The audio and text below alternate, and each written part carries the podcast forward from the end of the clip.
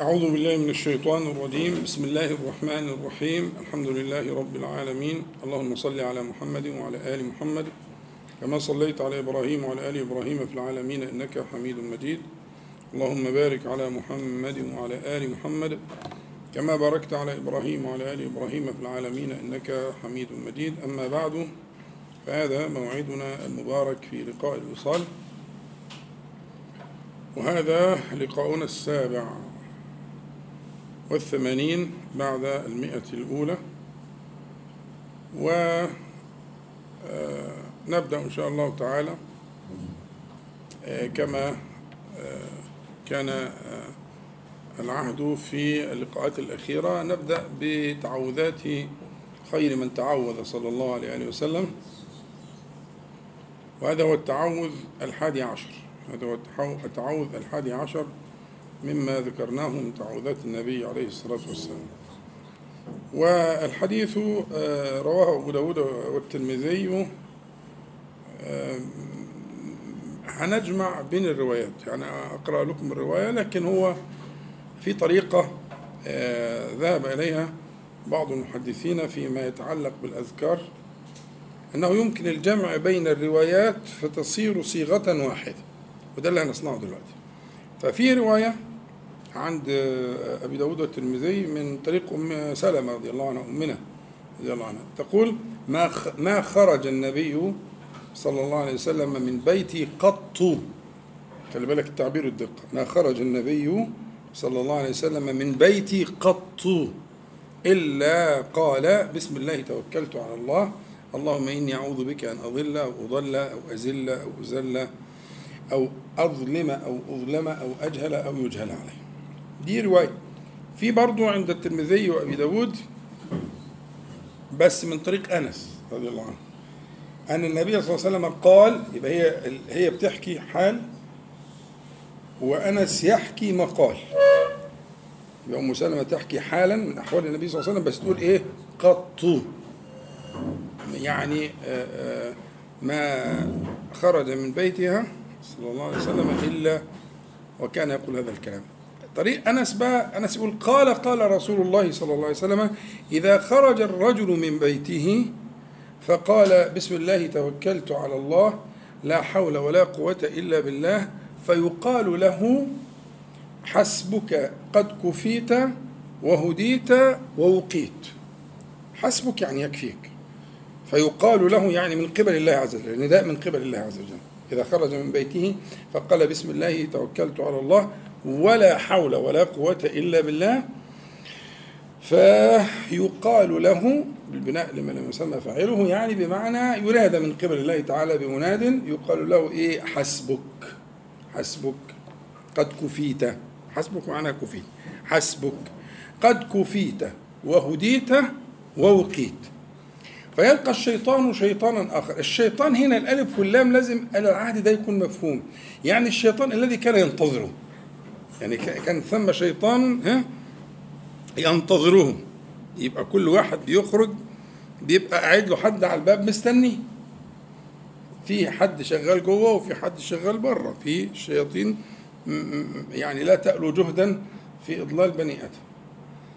لأن أباهم أقسم أقسم. قال فبعزتك فبعزتك لأغوينهم أجمعين.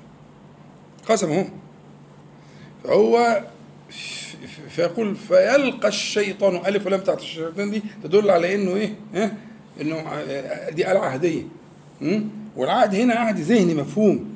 يعني يلقى الشيطان الذي كان ينتظره عند باب بيته شيطانا آخر فيقول له كيف برجل قد كفي وهدي ووقي؟ وفي بعض الروايات غير هنا فيتنحيا عنه.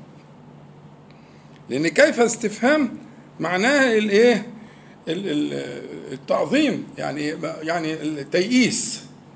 كيف؟ كيف لنا؟ كيف للشياطين؟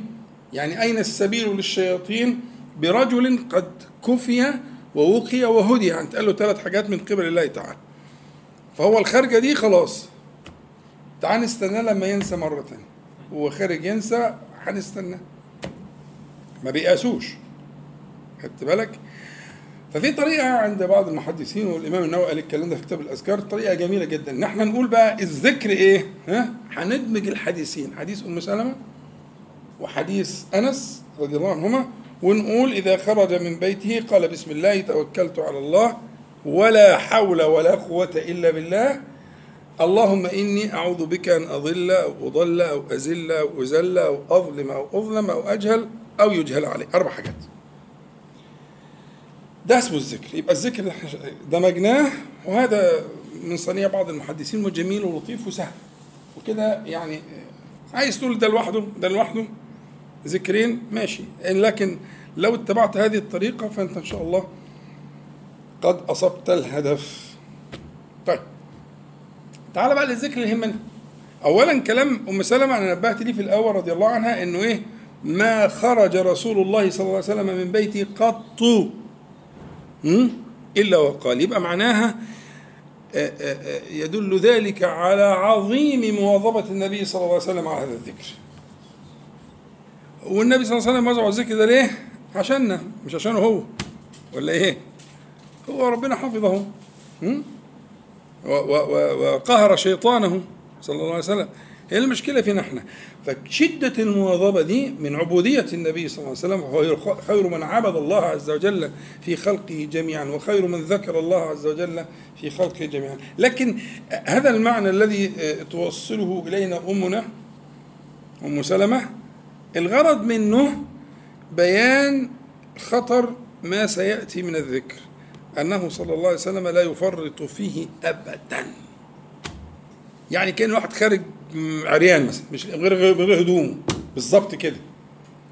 الانسان اللي يخرج من غير هذا الستر عايزه يتصور إنه خارج من غير هدوم من غير ستر الإيه؟ البدن.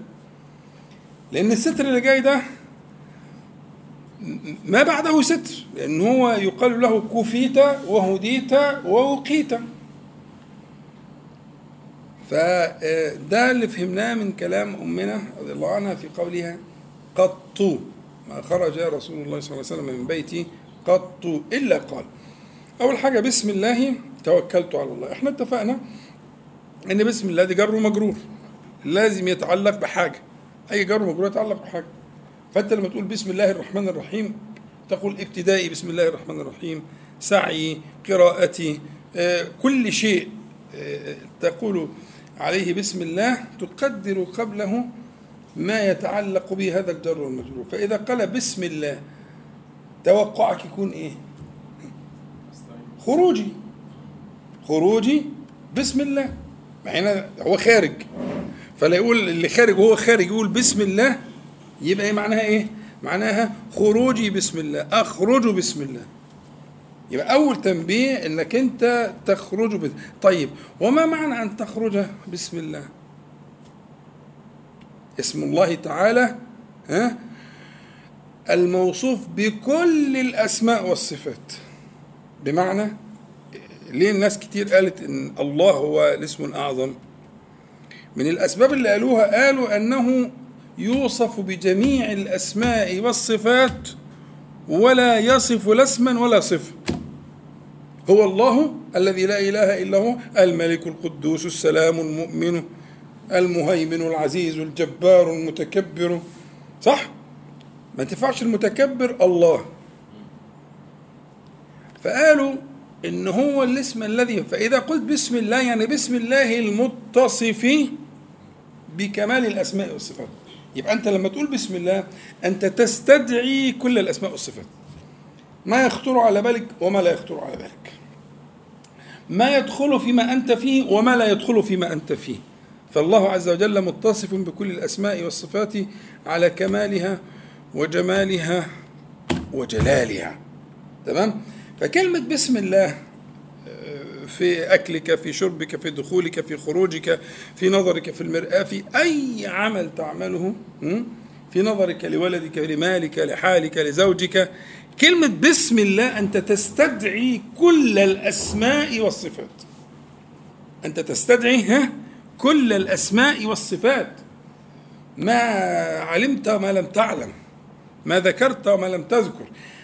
فأنا عايز أستحضر دايما أن هذا الجر والمجرور متعلق بشيء. الآن هو الخروج يعني أخرج بسم الله خروجي بسم الله كائن بسم الله.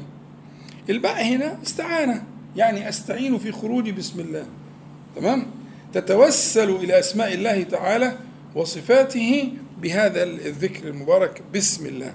بسم الله الذي لا يضر مع اسمه شيء في الأرض ولا في السماء وهو السميع العليم. هذا اسم الله. كلمة استحضر هذا المعنى الذي لا يضر مع اسمه. دخلت في الحصن في اسم الله تعالى بأسمائه وصفاته. فإذا خرج قال بسم الله أخرج بسم الله خروجي بسم الله. ثم يقول عليه الصلاة والسلام توكلت على الله. التوكل شرحناه قريبا حتى كذا مرة قريبا قلناه أنا عايزك تفتكر أن التوكل هو يعني أقرب ما يكون زي ما حاولت أقربه عقد. عقد بينك وبين الله سبحانه وتعالى.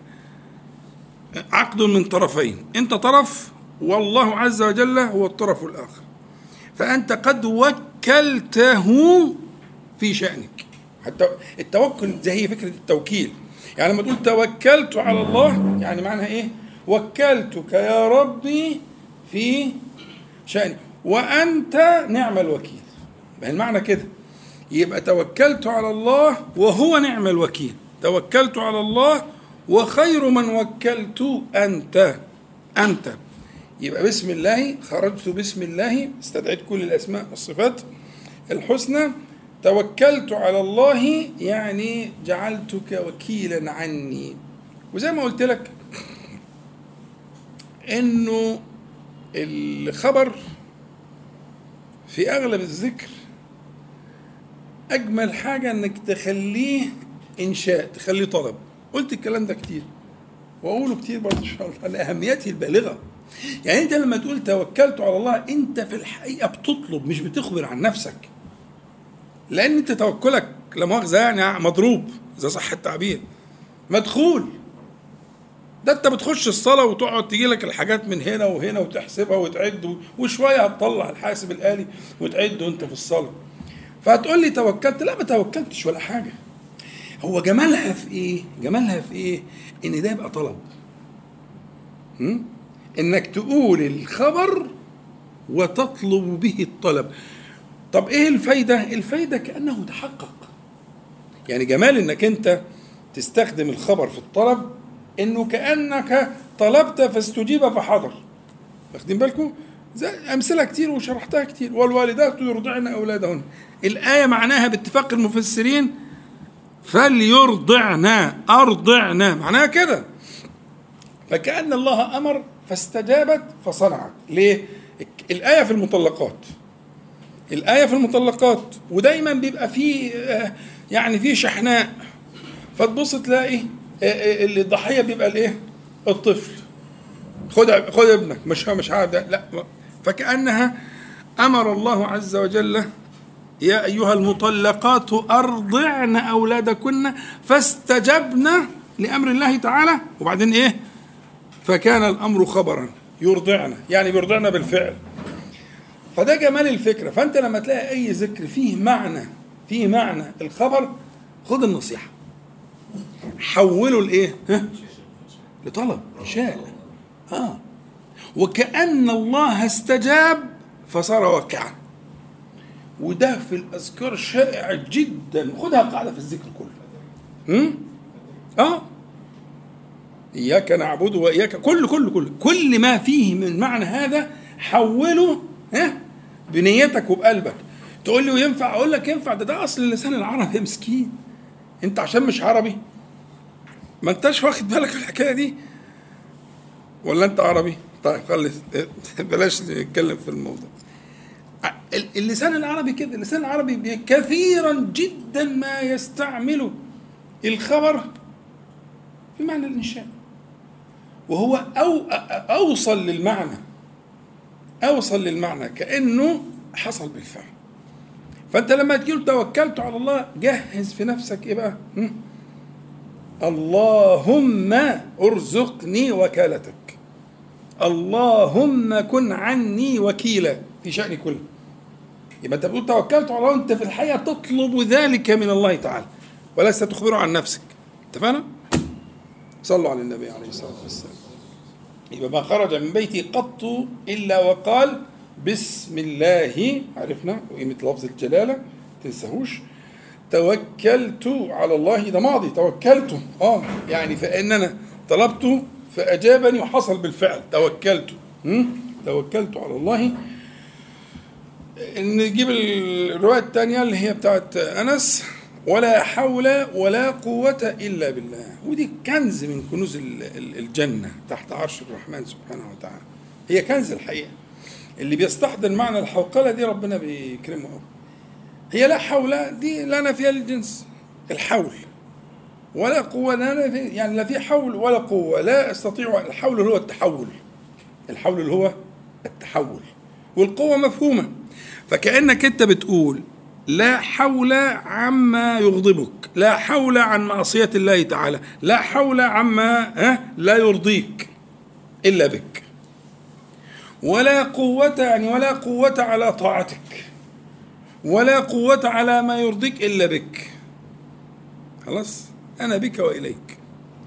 إن عملت حاجة حلوة فمنك. وإن حبست عن شيء ضار فمنك. يبقى دي لا حول ولا قوة إلا بالله. ولذلك دي بنقولها في الأذان. بنردد الأذان. فقولوا مثل ما يقول. لكن عندما يقول حي على الصلاة حي على الفلاح. حي دي اسم فعل أمر. اسم فعل أمر. بمعنى تعالى إلى ما يحييك. ما هي تعالى بس لا تعالى. تعالى إلى الصلاة. لكن كلمة حي هي اسم فعل أمر بمعنى أقبل لما يحييك. أقبل لما يفلحك. أقبل لما يداويك. مظبوط؟ فهو لما بيقول لك كده ما بتقولوش هو يقول لك حي وأنت تقول له حي لا دي لا. هو يقول لك حي تقول له أنت إيه؟ لا حول ولا قوة إلا بالله. يعني لا تحول عن معصية الله تعالى ولا قوة على طاعة الله عز وجل إلا بالله. ده المعنى. فأنت لما بتخرج وتقول بسم الله خلاص عرفناها اقعد مزمز كده في الكلام وفكر فيه ما مش مش جري كده على طول لا أفكر في المعاني. بسم الله لوحدها لها معنى. يعني كل اللي هيحصل بعد كده ها مبارك باسمه. محفوظ باسمه معان باسمه سبحانه وتعالى وباسمه وبأسمائه وصفاته جل جلاله. يبقى دي بسم الله. توكلت على الله عقد عقدته مع الله سبحانه وتعالى تسأله أن يعينك فيه. يكون في عقد توكيل حقيقي.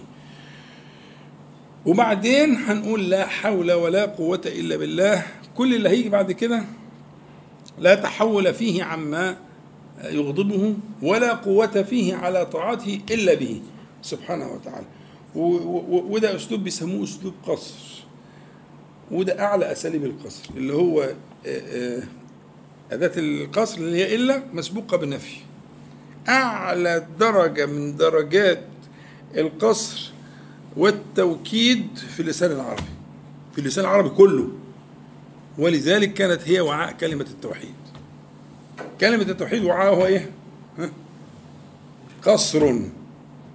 بأداة قصر مسبوقة بنفي. لا إله إلا الله. كلمة التوحيد. مع إن في عبارات تانية تؤدي زي مثلا آه إلهكم إله واحد. أفادت أهي. لا. كلمة دخول الإسلام وكلمة التشهد وكلمة الأذان هي لا إله إلا الله. إن هذا القصر مسبوق بنفي ليفيد الحصر القطعي الشامل. فأنت لما تقول لا حول ولا قوة إلا بالله يعني جنس الحول ما فيش. طب ده أنا واد عفريت شوية انسى. طب ده أنا بفهم. حاول تكون واقعي. يا مسكين. طب ده أنا بعرف أقلب رزقي وأعرف أروح وأجي وده أنا أنا أفوت في الحديد. حديد مين يا ابني يا مسكين؟ والله العظيم أنت مسكين. أنت مسكين. فوت في حديد إيه؟ لا حول ولا قوة إلا بالله. أنت لازم تستحضر كده وأنت خارج. أنتش عارف اللي مستنيك إيه. ف حضر المعنى ده. بسم الله توكلت على الله. هنضيف بقى ولا حول ولا قوة إلا بالله. وتستحضر اللي بيحصل في الملأ الأعلى. إيه اللي بيحصل في الملأ الأعلى أنت لما تقول لغاية لا حول ولا قوة إلا بالله عشان الحديث الثاني لو حديث أنس هتستحضر إيه؟ إن الملائكة هتقول إيه؟ يقال له حسبك. حسبك. ما تقول إيه؟ حسبي الله أهو. مظبوط؟ يقال له حسبك. قد كفيت وهديت ووقيت والله أنا لو يعني تسكت برهة من الزمان ثواني كده تستشعر الجواب يبقى أحسن. يعني ما تخشش في إيه في الجزء الثاني من الذكر اللهم إني أعوذ بك أن أضل وأضل. يبقى جميل. يبقى أنت فاكر. يبقى الدرس ده جاب فايدة. إنك أنت لما تقول بسم الله توكلت على الله ولا حول ولا قوة إلا بالله قبل ما تقول اللهم إني أعوذ بك برهة كده. زمن يسير. كأنك تستمع إلى الجواب أن تجاب من آه، من السماء فيقال له حسبك. حسبك. يعني قد كفيت. الحسب الكفاية. حسبي يعني يكفيني. آه، يعني قد امتلأ آه، حظي مما أريد واكتفيت. ده معنى الحسب. شرحناها قبل كده. رجع لها بقى والحسبان والمعنى ده. ولما النبي صلى الله عليه وسلم كان بيقرأ على ابن مسعود من النساء فلما وصل إلى قوله تعالى فكيف إذا جئنا من كل أمة بشهيد؟ فقال له إيه؟ حسبك. كفاية. فأنت لما هنا يقول لك بتقول لك حسبك يعني قد كفيت. كفيت ما أهمك طالما افتكرت وقلت بسم الله توكلت على الله ولا حول ولا قوة إلا بالله يقال لك حسبك. قد كفيت وهديت ووقيت. فهتستحضر المعنى ده في في في في في, في ثواني معدوده كده وبعدين تبدأ استكمال الذكر. هطلب من حد بقى يسمع الذكر إن شاء الله فركزوا معايا. اغلبكم حافظوا الحمد لله ده حاجات اتقالت قبل كده يعني. تمام؟ بس اللي يقولوا بقى حد من من, الجداد مش من القدام. تمام؟ صلوا على النبي عليه الصلاة والسلام. يبقى بسم الله توكلت على الله ولا حول ولا قوة إلا بالله. اهدى شوية. وقالوا لك حسبك. قد كفيت وهديت ووقيت ودي شاملة كل حاجة. إيه بقى شاملة كل حاجة؟ كفيت يعني ما أهمك.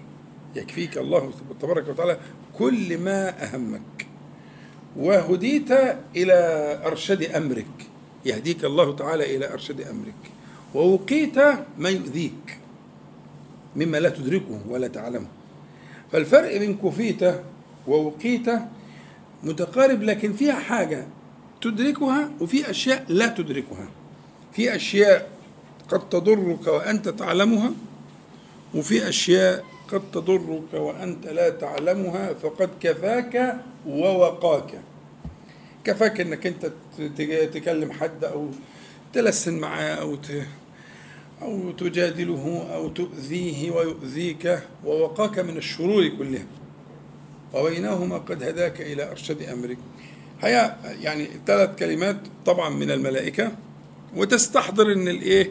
الشيطان يقول لصاحب شيطان آخر كيف برجل قد كفي ووقي وهدي نخلع.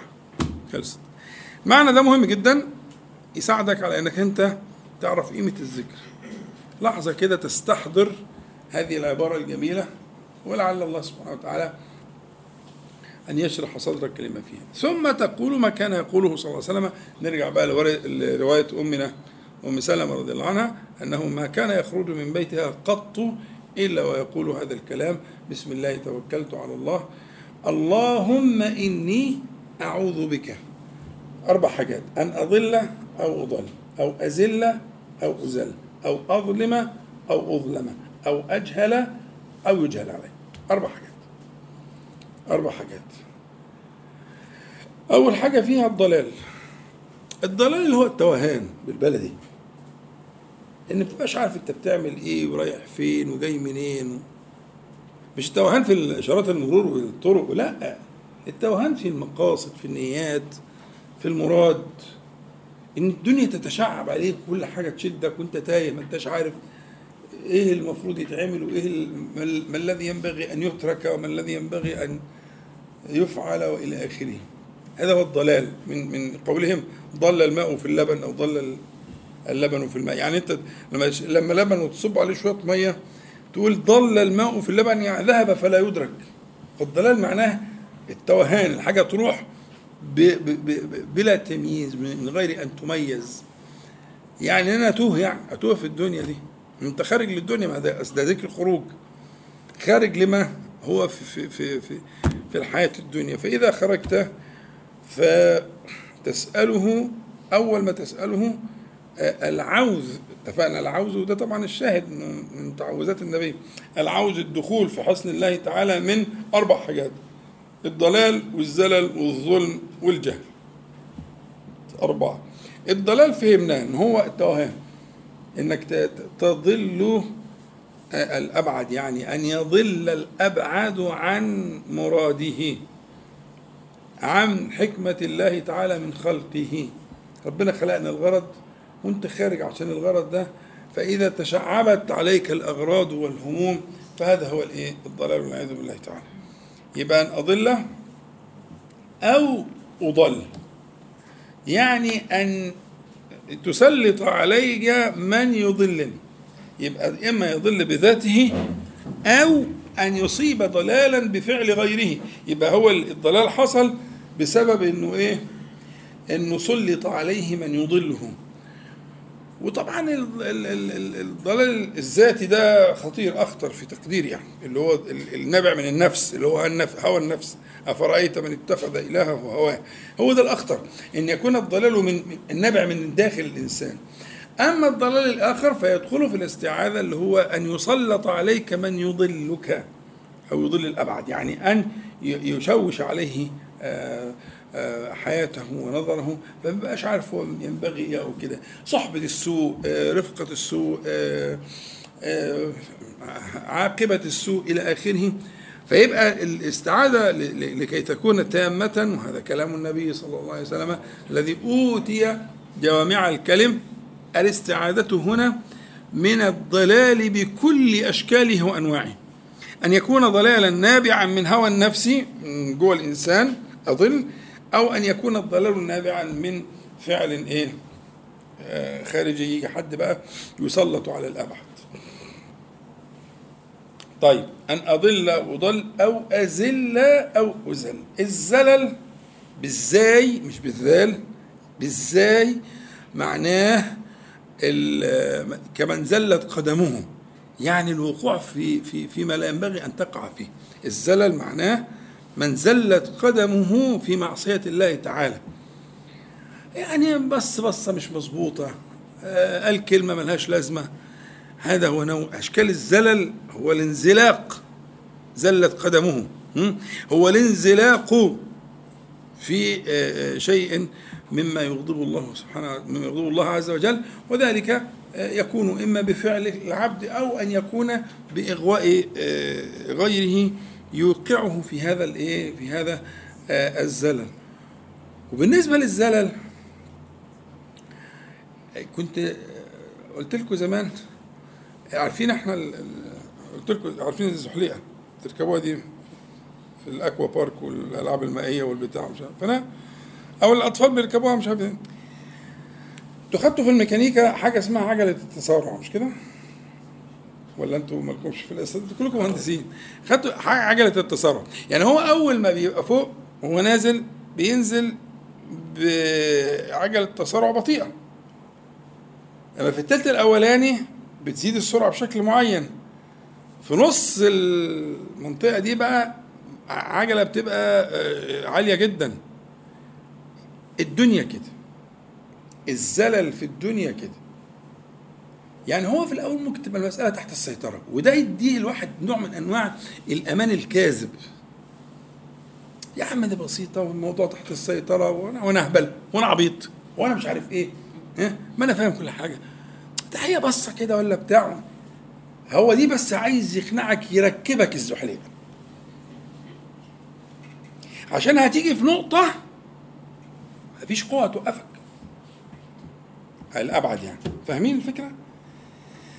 ف ف ف إن شاء الله ربنا يسلم. في عندي مشروع إن أنا إيه نجيب كل آه، آه، آه، وسائل الشيطان التي ذكر الله سبحانه وتعالى وذكرها النبي صلى الله عليه وسلم في السنة وندرسها. مهمة جدا. إن الشيطان لكم عدو فاتخذوه عدو. اتخاذ العداوة دي معناها إنك أنت تدرسه تبقى فاهم يعني تتخذ عدو يبقى فاهم إيه أسلحته إيه أساليبه إيه طرائقه إيه مداخله إلى وربنا شرح ده في القرآن واللي في القرآن كفاية جدا. والسنة بيان للقران اللي في القرآن كافي جدا. أنت لو فهمت استحوذ عليهم الشيطان يبقى أنت فهمت ده أسلوب من أساليبه. ها؟ آآ آآ ينزغ بينهم. إن فهمت أنت النزغ وفهمت الاستحواذ وفهمت إلى آخره. فأساليبه كلها في البداية بيكون فيها نعومة. يعني عمر ما يجي ابدا لواحد محترم زي حضرتك كده ودين ويدعو بفجاجة إلى شيء مستحيل مستحيل. لابد أن يبدأ بشيء ناعم بشيء آه، قريب للنفس بشيء فيه بعض العقلانية أو المنطقية. أو المنطقية. فاكرين القصة بتاعت آه، سورة الحشر؟ سورة شرحناها كتير ممكن ترجعوا لها. كمثل الشيطان إذ قال للإنسان اكفر. فلما كفر قال إني بريء منك. في في في في التفاسير وبالذات القرطبي لأن القرطبي جايب القصة مفصلة طويلة هو أول ما أمره أمره بطاعة. وبطاعة منطقية. قال له البنت اللي في الصومعة دي أنت ممكن تحط لها الأكل وتدور كان يحط يروح متدور ما طب ما أنت ممكن تحطه يجي حيوان ولا حاجة تاكله. انت بعد ما تروح عندك الصومعة بص دمك واقف لغاية ما تتأكد. خدت الأكل خلص الموضوع. ده منطقي ولا مش منطقي؟ منطقي لأنه كلام منطقي فعلا. أنت بتحط الأكل ومن تدينك تروح حاطط الأكل بظهرك كده وماشي ماشي ماشي ماشي وداخل الصومعة بتاعتك. طب مين قال لك إن هي بتاخد الأكل ده؟ ما أنت ممكن تسيبها لغاية ما هي تعفن جوه. يا ابن الحلال إيه بص بصة كده وشوف إيه خدت البتاع خدت ولا تكلمها ولا تقول أي حاجة. فكانت البداية هكذا بكلام عقلي منطقي. وبعد كده قال له طب وأنت مين أدراك الأكل اللي أنت بتجيبه لها والمية بتكفيها الفترة دي؟ ما يمكن أنت بتعرفش هي لما تحط الأكل وأنت برضه بعيد كده وأنت غاضض بصرك وكلام الشيطان ممكن يأمر بغض البصر آه. يعني بغض البصر ما هي خطة هو عامل خطة عامل مشروع عامل مشروع. وعشان كده الشريعة جاءت بسد الذريعة. والله يعلم وأنتم لا تعلمون. فالذي يعلم قال لك ما تعملش كده. ما تجادلش بقى وما تعمليش فيها بتاع عشان انت مش فاهم حاجة أصلا.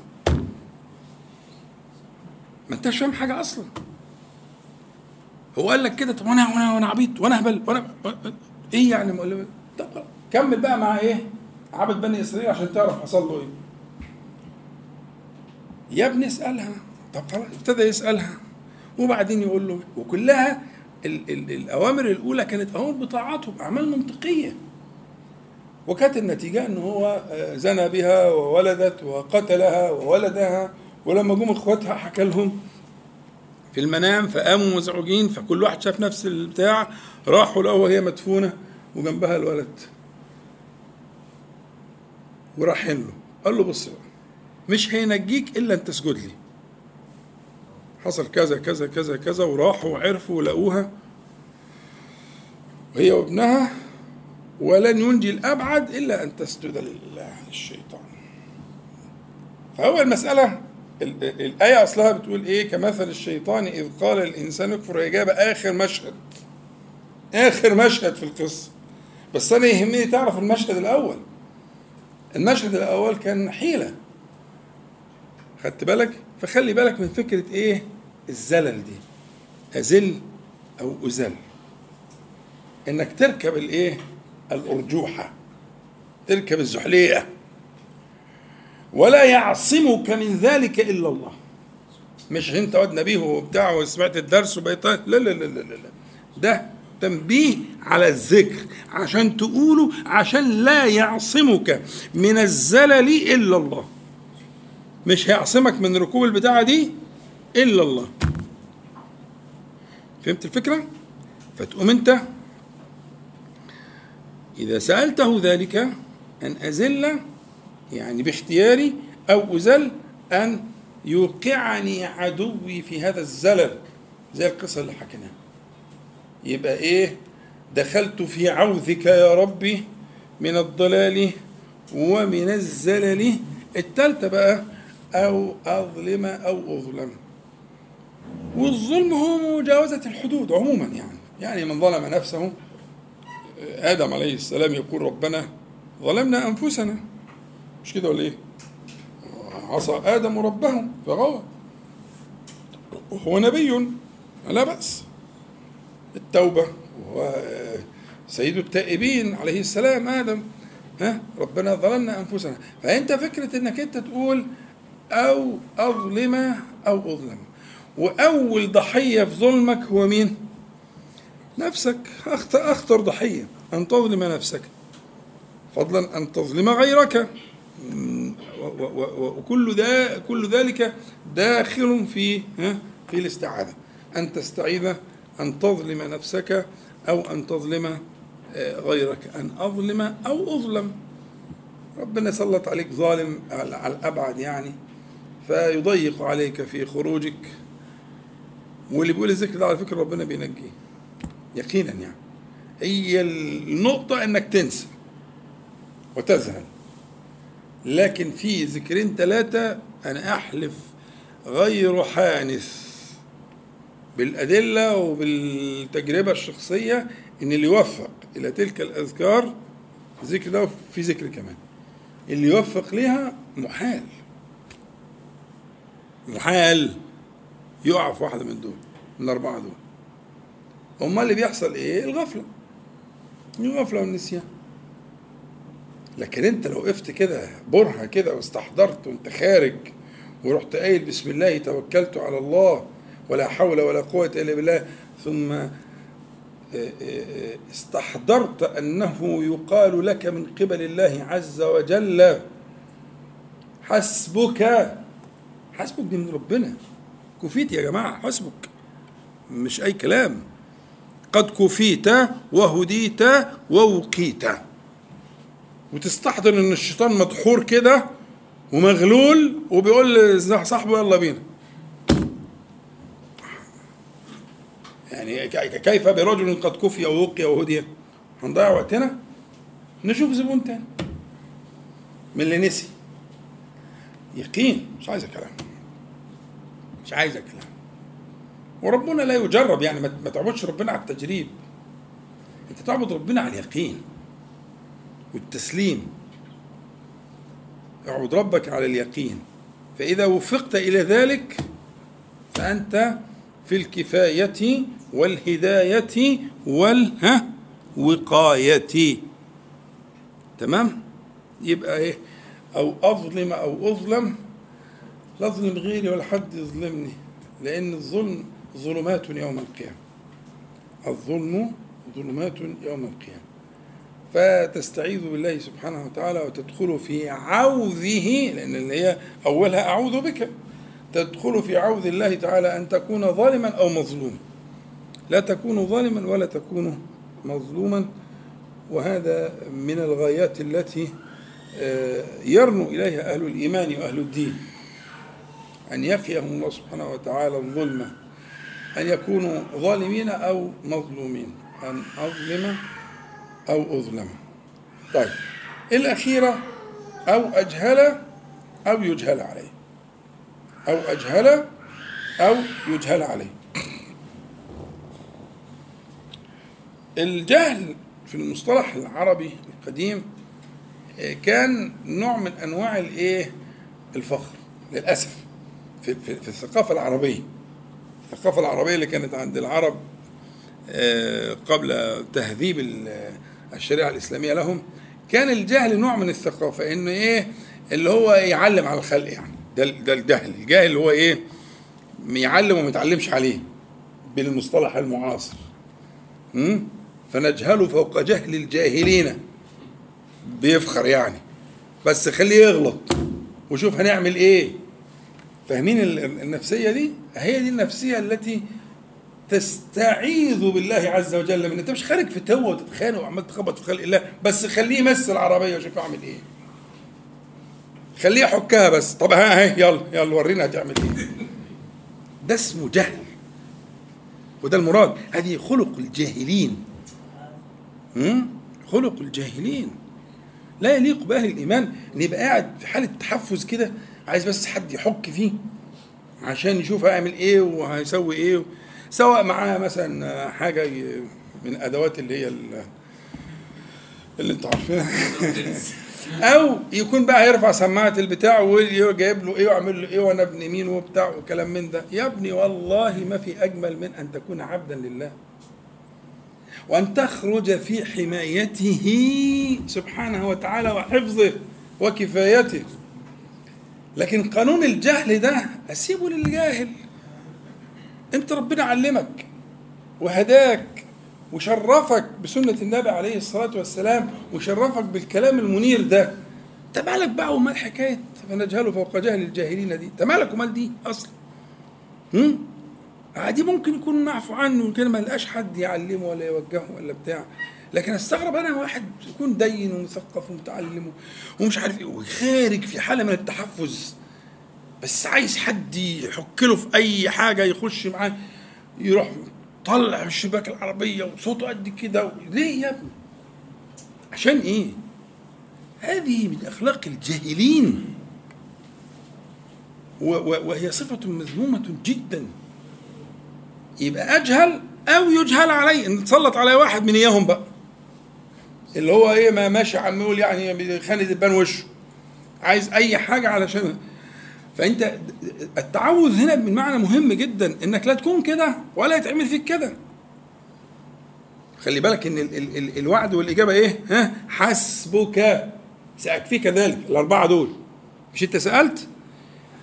فيقال له فينادى من قبل الله تعالى يقول له حسبك قد كفيت سأكفيك. هتكفيني إيه؟ هتكفيني الأربع أشياء دول وأخرهم الإيه؟ الجهل. والله لو استحضرت كده لدخلت في الحفظ يقينا قولا. وربك لا يجرب إياك تقع في الفخ ده. أنت تعبد ربك على اليقين. تقول له أو أجهل أو يجهل عليه خلصت. خلاص. دخلت في الحفظ. وستحفظ إن شاء الله تعالى. لكن الآفة أنك تذهل عن ذلك مش هقول تزهد يعني إن شاء الله ما فيش حد فيكم يزهد. لكن ذهول نسيان غفلة. لكن إذا كان ده اعتبرته زي ما قلت لك في أول الدرس كإيه؟ ها؟ كثوبك الذي يستر عورتك. ممكن تنزل من غير ما تلبس هدومك؟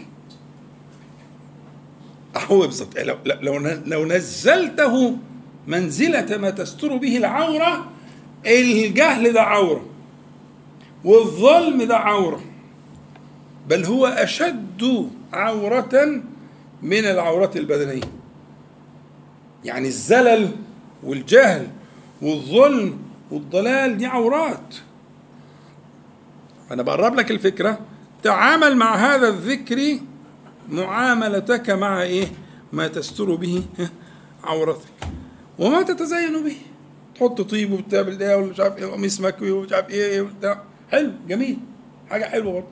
أنا مبسوط من كده. بس ما تنساش يا الحاج إن كما تزينت بذلك واستترت بذلك فاستتر بهذا الذكر. اللي هيعمل كده ربنا هينجيه إن شاء الله. ولا يمكن يقع لا في ضلال ولا زلل ولا ظلم ولا جهل. وآخرها الجهل وده للأسف يعني يعني للأسف بشوف يعني من سمته التدين والصلاح ومش عارف إيه ويقع بقى في حاجات مش لطيفة خالص يعني لا تليق به.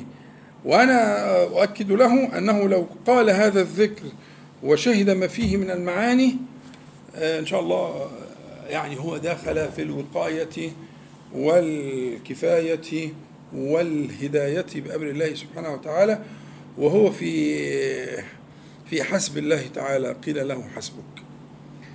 أقول أنا الذكر ولا حد فيكم يقوله؟ هتقولوا هتقول الروايتين مع بعض. اتفضل.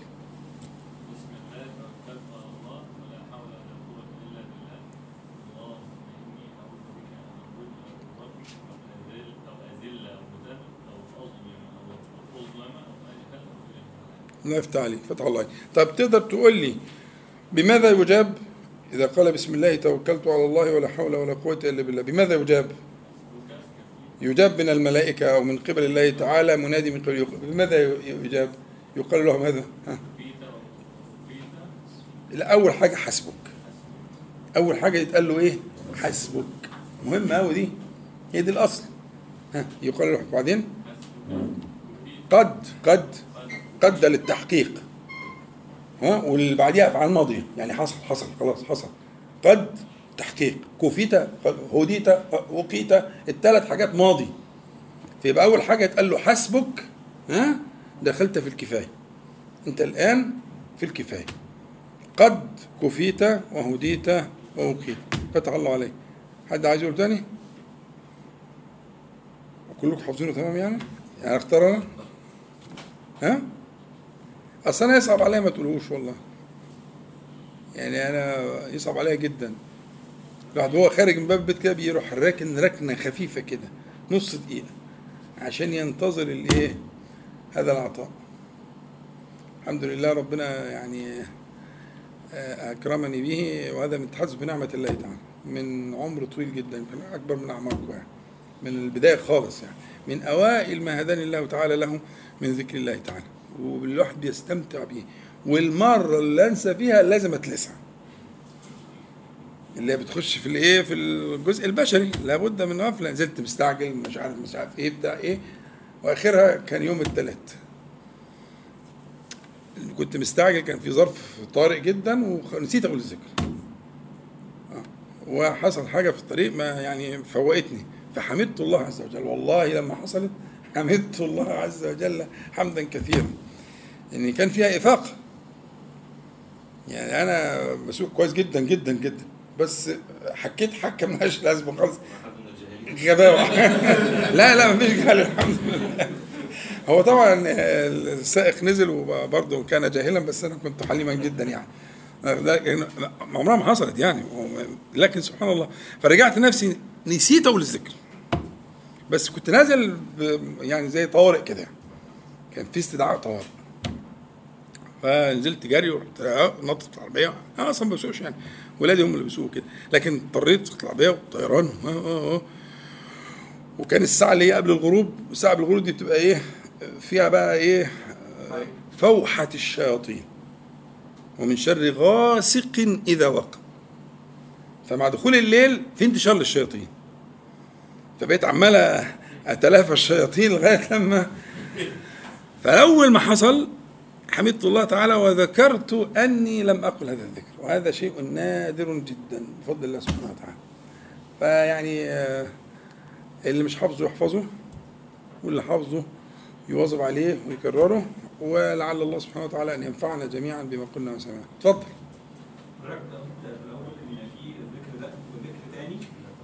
آه انت عايز تاخد الاسرار كلها.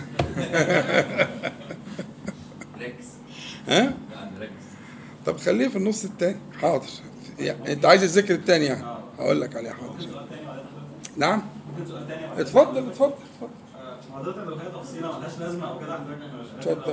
أنا استشعرت من حديث أمنا ام سلمة إن وكأن النبي صلى الله عليه وسلم كأنها بانها سمعته إن هو قال الدعاء قبل ما يخرج أنا بس بتكلم على الباب على الباب على الباب. على الباب. الأحرى إن إحنا نتبع هدي النبي صلى الله عليه وسلم قال ده على الباب. على الباب آه. لا على الباب. فتح الباب وقال فكان يفتح الباب.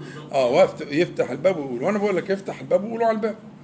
طبعا إذا كنت ساكن في عماره يبقى على باب البيت. إذا كنت ساكن في في حاجة منها للشارع على الباب اللي أنت خارج منه. يعني حينما تخرج من حيز البيت إلى حيز الحاجة العامة. الحاجة العامة. فإذا خرجت لذلك من أول ما خرجت العامة أنت بقى عرضة للأشياء دي كلها. فتسأل الله عز وجل أن يحفظك بها. تمام؟ بس هو سؤالك أنا كنت متوقعه أسأله لك أنا بدل عنك في حكاية أم سلمة دي أنا ما قلتهاش يعني. إن هو أكيد كان النبي صلى الله عليه وسلم بيرفع صوته به طب إحنا نرفع صوتنا بيه؟ ولا ما نرفعش؟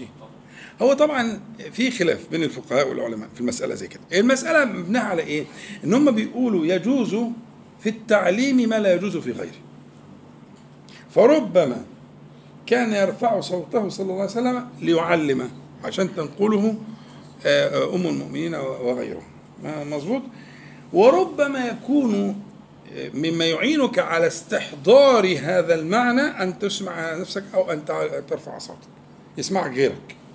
يعني الفرق بين الجهر والإصرار الإصرار أن تسمع نفسك. والجهر أن تسمع غيرك. ده اسمه الجهر. فهل هي جهر ولا إصرار هو قطعا كانت جهرا لأن الذي نقله ها غير حديث حديث أنس. أنس بيقول قال صلى الله عليه وسلم بيقول أهو حديث أنس ما فيش إشكال فيه لكن حديث أم سلمة هو بقى في النقطة دي. اللي هو هل أم سلمة رضي الله عنها آه، آه، آه، كانت ترى النبي صلى الله عليه وسلم يقول ذلك ولا كان يعلم؟ عشان هي تنقل. ده وارد وده وارد ولا بأس. فإن وجدت قلبك يحضر إذا أسمعت غيرك اعمل عيالك حد خارج معاك بتاع مش عارف إيه أنتوا خارجين لأسرة ها؟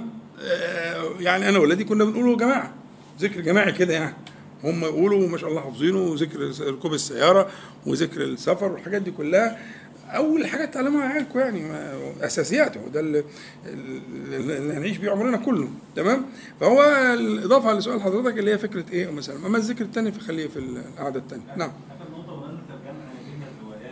هل هناك رواية صحت وتنحى عنك الشيطان؟ وفيت وفيت وكده وتنحى عنك؟ ما أنا قلت لك آه في بس مش عارف سندها إيه بس موجودة. وتنحى عنه. كيف؟ برجل قد كفي ووقي وهدي. ده كلام. لكن آه، آه، آه، الرواية اللي هي فيلقى الشيطان الشيطان بالألف واللام فهمناها دي العهدية اللي هو بيبقى رائد وبايت وزي البواب كده قاعد مستني اللي خارج. فيلقى الشيطان شيطانا ده نكرة. هو كان طلع بيشتغل سبوبة ورجع قابل صاحبه قال له ده باظت الليل. مع في مش باظت اللي راح. ليه يا عم باظت؟ قال لك ده الراجل أول ما خرج قال كذا كذا كذا كذا. فجاءه مناد من قبل السماء من الملائكة الكرام قال له قيل له حسبك. قد كفيت وقيت وهديت. هشتغل معايا إيه ده؟ فباظت الليل الطلعة دي مش جايبة. فيبقى هنا الحوار ده بين شيطان وشيطان ممكن يتفهم منه. فهي تنحى عنه الشيطان آه، وفي بعض الروايات سائر يومه الحقيقة مش متحقق بالسند فيها لكن قريتها طبعا لكن اللي أجي أقول لك ده آه، آه، من الترمذي وأبي داود بسند صحيح. لكن هي مفهومة يعني هو تنحى ما هو هو هو بيقول فيلقى الشيطان شيطانا آخر. ويقال فيقول له كيف برجل قد كفي ووقي وهدي؟ طب ما هو كده معناها ما هو كده إن هو معناها إنه إيه؟ تنحى عنه. قال لك سيبك منه بعد ما هعمل معاه إيه؟ وقت رايح ومجهود ضايع. تعال نشوف العالم الثانية الغافلين كثروا الغافلون كثير. لأن أنت تلاقي الذي نسي والذي آه، ذهل والذي لا يعلم ذلك كثير. فما فيش داعي نتعب نفسنا مع حد دخل في الكفاية والهداية والوقاية وحسب الله عز وجل. ها تفضل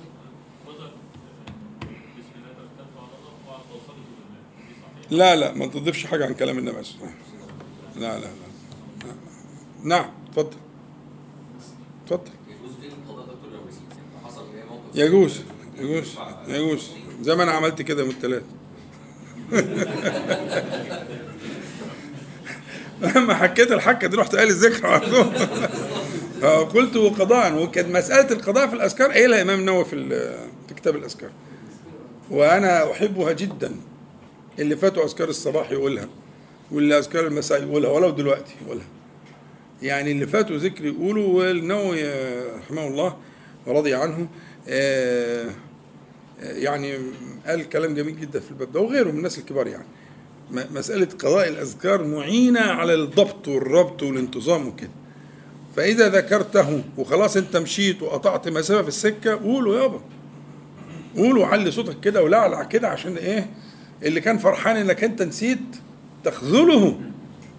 هو فرحان انك انت نسيت وراكب بقى ومدلدل رجليه تقوم انت مزحلقه. فإذا قلت ذلك الله تعالى يجيبك. من قبل الله تعالى يقال لك حسبك. خلاص دلوقتي حسبك الآن حسبك. ها؟ ويتنحى عنه هذا المجرم يعني. تفضل يا باشمهندس. هو في أول ذكر حضرتك هو أضل واذل أيوه آه، آه، أضل المقصود بها أنا أضل نفسي وأضل غيري والمقصود بها النفس بس أنت جاي متأخر. صح؟ فضحت نفسك. بس عشان أنت غالي عندك أقولها إن شاء الله تاني. لكن الكلام ده اتقال.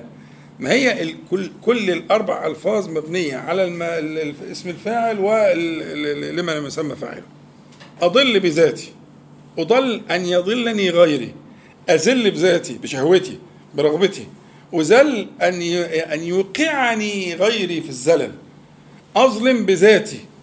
أظلم أن يتعدى علي أحد بالإيه؟ بالظلم أجهل بأخلاقي السيئة. يجهل علي يسلط علي جاهل في الأربع الأربع كلمات فيها ال- ال- المبني لما يسمى فاعل. يعني أضل بذاتي أضل نفسي أو أضل غيري؟ لا. أضل أنا. أنا أضل. أضل أنا.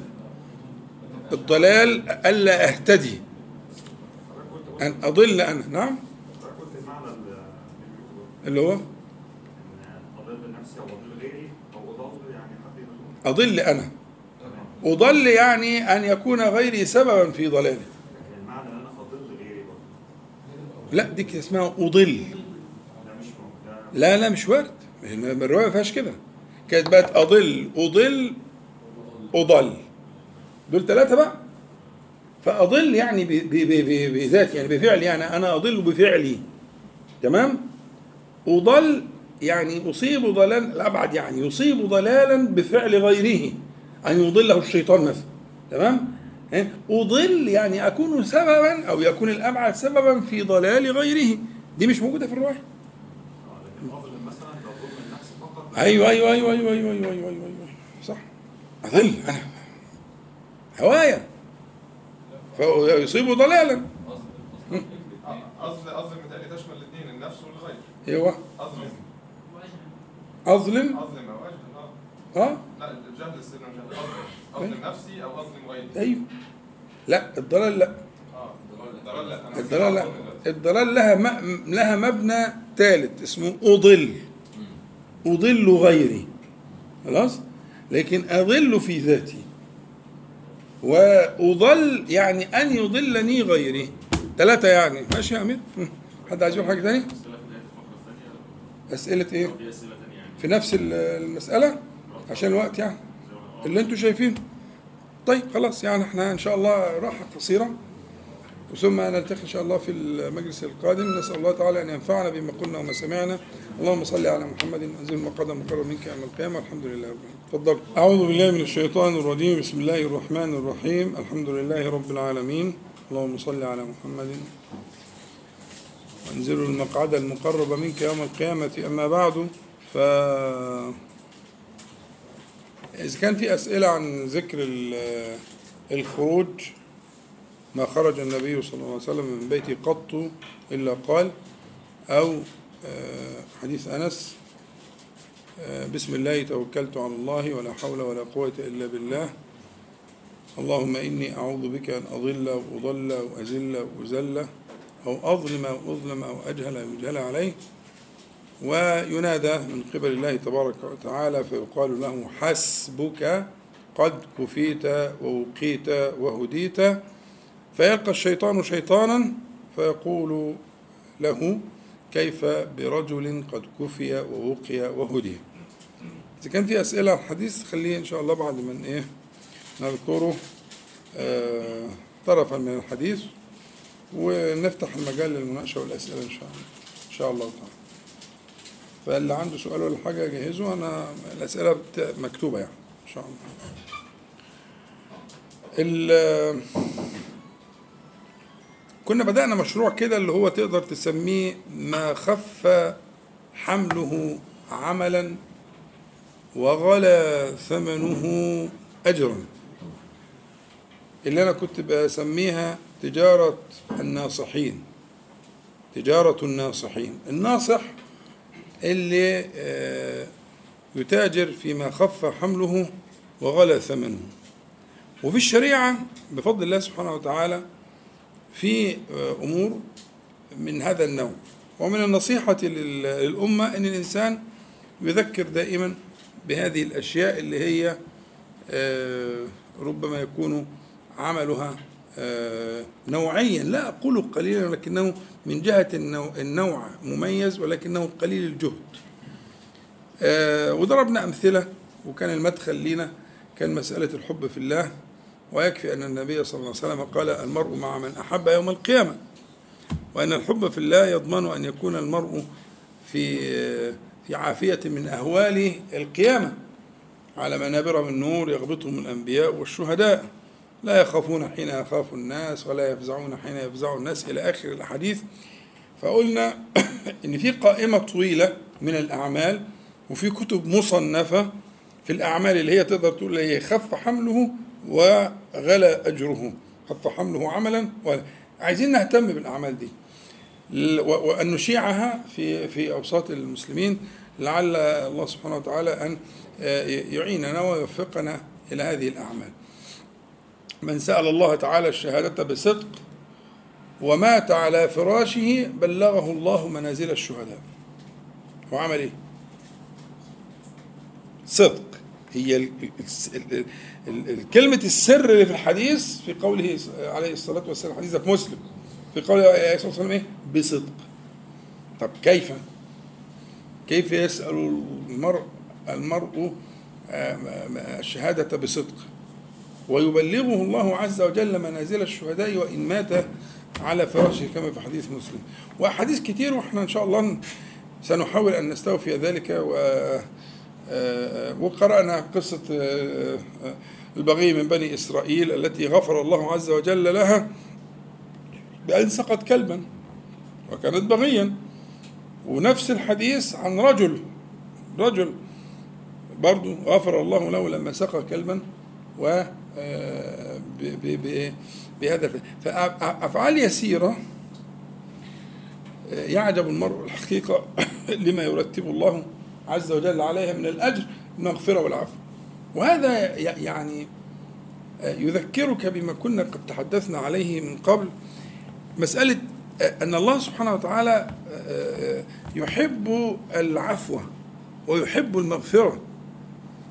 ولو اقتضت آه، آه، اقتضى مكان معين أو موضع أو إنسان بمقتضى ال- ال- العفو والرحمة ومقتضى العذاب والمؤاخذة فإن الرحمة تسبق ها بنص القرآن والسنة. في القرآن يقول كتب على نفسه الرحمة جل جلاله. وفي الحديث على كلام في السند يعني سبقت رحمتي غضبي. فالفكرة إن اللي يفهمك كده إنك تلاقي أعمال يسيرة وعليها أجور عظيمة جدا جدا. واحد يشيل الغصن مش عارف شجرة بيؤذي الناس في شوك ولا في الطريق ويقاس عليه مثلا قشرة موز. أنت ماشي فلقيت قشرة موز في الطريق فوطيته وجبتها وحطيتها على جنب كده. يبيض الله صحيفتك ويغفر لك الآن. ففي أعمال تستحق منك الإيه؟ ال- الانتباه لذلك. فإن شاء الله ناخذها يعني شيئا فشيئا. وإحنا كنا قلنا طرفا من ذلك. قبل ذلك إن شاء الله تعالى. تمام؟ الليلة هنقول عمل وزي في فضل وقت انه عمل تاني. العمل الأول هو آه، آه، إنذار المعسر. إنذار المعسر. إنذار يعني إمهال أو يصل للعفو. المعسر اللي هو المدين المعسر اللي عليه حق و و و و و وأصابه العسر فلا يجد ما آه، يعني آه، يسد به ما عليه. الحديث في صحيح مسلم وهو حديث آخر في الصحيحين. ففي صحيح مسلم من حديث حذي- حذيفة رضي الله عنه حذيفة بن اليمان رضي الله عنه. أن النبي عليه الصلاة والسلام قال إن رجلا مات فقيل له ما كنت تعمل؟ يقول فإما ذكر وإما ذكر. فإما ذكر وإما ذكر. فقال كنت أبايع الناس. فكنت أنظر المعسر وأتجوز في السكة أو في النقد. فغفر له ربه يعني فغفر له فدخل الجنة. الحديث رواه مسلم وغير مسلم وابن ماجه وغيره. إن رجلا مات. فقيل له يعني في عند الحساب ما كنت تعمل؟ فالكلمة اللي جاية دي فإما ذكر وإما ذكر يعني في احتمالين. إما ذكر يعني ظل يفتش كده عن حاجة يقولها. يعني لما بيتقال له ما كنت تعمل يعني من خير يعني مما ترجوه عند الله يعني مما تدخروه لهذا اليوم. يبقى لازم يقدر هنا إيه معمول لتعمل دي. يبقى إيه؟ ما كنت تعمل من خير ترجوه عند الله. بس الحديث مسلم ما كنت تعمل. ما كنت تعمل من شيء تدخروه عند الله. فملاش إجابة. يعني معناها صاحبنا كان إيه؟ كان قليل الحظ من ذلك. ما كانش يعني مجتهد. خلاص؟ ففكرة إن هو في برهة من الزمان مرت في الحديث بيقول فإما ذكر يعني بعد تذكر وإما ذكر. ذكر هنا لم يسمى فاعله. مين اللي ذكره؟ ربنا. أرحم الراحمين. ربنا يحب العفو. ربنا جميل جميل جميل. فوق الجمال. جمال فوق الجمال. فربنا. الملائكة اللي بتسأله. حساب. كنت تعمل إيه؟ ما كنت تعمله. فالمسكين سكت. مفيش مش بعمل كنت تعمل إيه؟ أصلا فإما ذكر وإما ذكر. يعني ذكره ربه. قل لهم كذا. قل لهم كذا. ما لقاش غير إيه يا عم الحاج؟ انذار المعسر. كنت بتاجر وأبيع وأشتري مع الخلق. فكنت أنظر المعسرة. المعسر اللي مش ما عندوش سيولة مش قادر يأدي. فقول خلاص يا عم توكل على الله. بعدين بعدين. مش معك خد خد خد بضاعك وتوكل على الله. ولما ربنا يوسع عليك بتاعك فكنت أنظر المعسرة وأتجوز في السكة أو في النقد. إيه بقى السكة والنقد؟ عارفين مصلحة سك العملة؟ النقد ده اللي هو الذهب والفضة. إن أصل التعامل أصل التعامل بالنقدين. النقدين اللي هم إيه؟ الذهب والفضة. لكن بعد بقى تطور الأمم فصار التعامل بالذهب والفضة فيه من الصعوبة وفيه من الخطورة. فبقوا يعملوا آه، عملات مسكوكة عليها السكة يعني عليها علامة الدولة. في الخلافة الأموية وبعد كده في العباسية وهكذا ولغاية دلوقتي. فالسك هو أن يسك شيئا من معدن مثلا نحاس أو نحاس وبرونز أو كده. فيبقى معناها إيه بقى مع كلمة أتجوز في السكة أو في النقد؟ يعني إيه؟ لها احتمالين. إن هو جه يدفع ثمن الحاجة فبقي شوية بقي ف... ما قدرش يكمل. قعد يطلع من الجيب ده ومن الجيب ده ومش عارف إيه وبعدين بقى عليه شوية. أقول له خلاص يا عم مش توكل على الله. يبقى أتجوز يعني هنا معناها في السكة أو في النقد يعني في الفكة. بياخد حاجة ب 20 30 ألف وباقي كمية كده الله توكل على الله. يلا. حلال عليك. يصنع ذلك رحمة ورأفة. والله أرحم الراحمين. أرحم من من كل رحيم سبحانه وتعالى. خدت بالك؟ فيصنع ذلك والله سبحانه وتعالى يحب ذلك. يبقى إما معناها إن هو ما- قدرش يكمل فبقى عنده أو معناها إن وجد عشان كلمة السكة دي وجد شيئا زائفا. يبص في البضاعة يقول لا ده دي مضروبة. دي ما تنفعش. شوية ال- ال- السكة اللي أنت جايبها دي هذه العملة المسكوكة دي مضروبة. وعلى كل نشيل يا عم توكل على الله فده اسمه التجاوز. يتجاوز في هذه المعاملة لوجه الله سبحانه وتعالى من باب الرحمة بالعبد. فبيقول أنا قعد يفتش في حياته وفيما كان يصنعه يقول فكنت أبايع الناس فكنت أنظر المعسرة وأتجوز في السكة أو في النقد. فغفر له فدخل الجنة. ده بقى لا كان مجاهد في سبيل الله ولا كان طالب علم ولا كان بيقوم الليل ولا كان بيعمل أي حاجة خالص. لأن لو في حاجة زي كده كانت اتقالت. ده مسكين. بس كان بيعمل حاجة جميلة ربنا سبحانه وتعالى يحبها في قلبه من جوه في في, في داخل في, في قد أنارت قلبه. عنده شفقة بالخلق. عنده رحمة. فلما رأى الله عز- وجل ذلك منه فغفر له وتجاوز عنه وأدخله الجنة. فهنا الباب ده في الحقيقة يهمني جدا. هو طبعا في حديث في الصحيحين بقى عن البخاري ومسلم عند مسلم. إن رجلا ممن كان قبلكم أتاه الملك ليقبض روحه. فقال هل عملت من خير؟ فقال ما أعلمه قيل له انظر. يعني يعني يشبه اللي فات كده فإما ذكر وإما ذكر? قيل له انظر. فتش كده يعني هتلاقي. قال ما أعلم شيئا غير أني كنت أبايع الناس في الدنيا فأنظر الموسر وأتجاوز عن المعسر فأدخله الله الجنة. يعني كلمة الوقفة اللي بتحصل في الأول دي تفهمك إنه مفيش حصيلة من العمل الصالح. مش لاقي حاجة. ما كنت تعمل. مش لاقي حاجة أعملها. يقولها يعني هيقول إيه؟ فيتقال له طب فكر طب فتش طب دور. والله أنا مش لاقي حاجة عدلة كنت بعملها غير إنك يجي حد م- م- م- موسر خلي بالك هنا موسر ويطلب مهلة. وأنا عارف إنه موسر ها؟ يطلب مهلة فأمهله والمعسر أتجاوز عن ده بقى خلاص. شيل يا عم توكل على الله. ما عليكش حاجة. أديك مخالصة. والموسر اللي هو يعني طمعان شوية طب يلا توكل على الله. هاتها كمان شوية هاتها كمان شهر اتنين تلاته فما وجد شيئا يعني قيل له انظر راجع نفسك. هناك ده, في الرواية بتاعت مسلم ذكر أو ذكر. هنا في الرواية متفق عليها برضو مسلم كمان البخاري ما أعلم شيئا غير أني كنت أبايع الناس في الدنيا فأنظر الموسر وأتجاوز عن المعسر. فأدخله الله الجنة. الشاهد إنه إيه إيه إيه أما أقول لك عمل خف حمله من العمل أنا رأيي في الظاهر لكن هو العمل ده في تقديري وأسمع رأي حضراتكم ليس سهلا.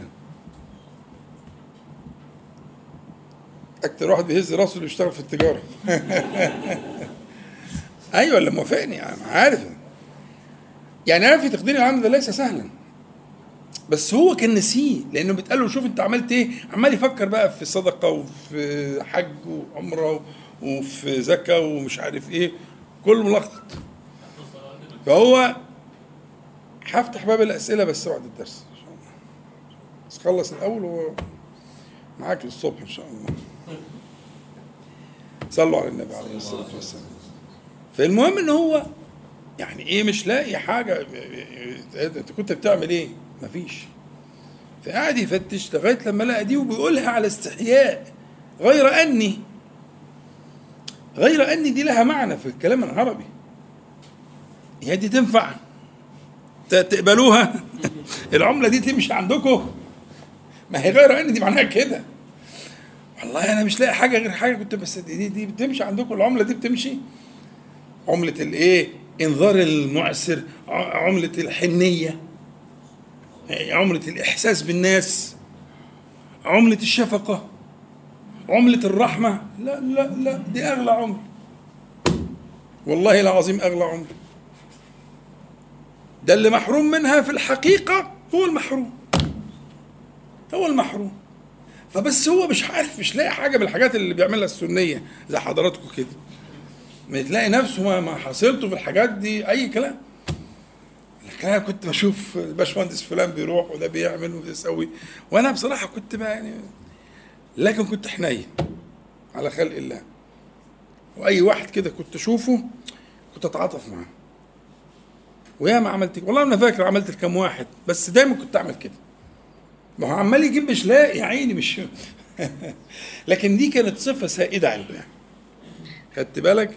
ففي رواية مسلم لوحده فإما ذكر وإما ذكر ورواية آه، آه، آه، المتفق عليها قال ما أعلمه قيل له انظر. قيل له انظر. قال ما أعلمه قيل له انظر. قال ما أعلم شيئا غير أني كنت كذا وكذا وكذا فالشاهد أن هذه الأشياء التي يحبها الله عز وجل ويحبها رسوله صلى الله عليه وسلم أشياء معظمة جدا. الكلام ده بيتحكي لنا الكلام ده المفروض اللي يحصل في يوم القيامة بيتحكي لنا ليه؟ ليه ربنا سبحانه وتعالى يحكي لنا ذلك في أعلى درجات الصحة من الأسانيد في في الصحيحين وفي معا أو في أحدهما شوفوا نسيتوني البتاع برد. في سبيل الله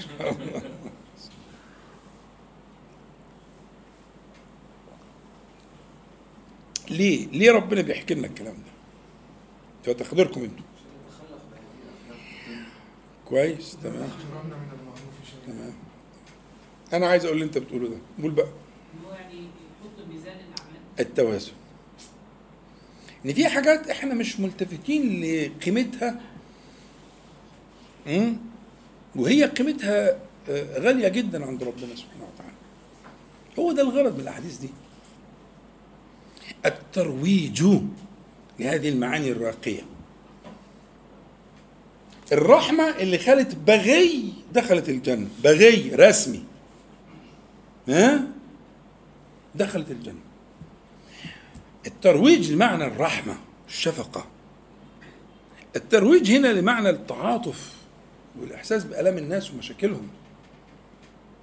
فالأحاديث دي بتروج لأشياء بترفع من رتبتها وقيمتها عشان اللي مش واخد باله واخد باله تخليها زي الجهاد في سبيل الله وتخليها زي طلب العلم وحفظ القرآن الكريم وتخليها زي الصدقة والنفقة وتخليها زي إلى آخره بترفع من قدرها لأنها في معايير الخلق ليست كذلك فيبقى الغرض اللي تفهمه من الأحاديث دي أن هذا الذي ينبه إليه? فكرة التجاوز وإنذار الإنذار الإمهال والتجاوز بالكلية.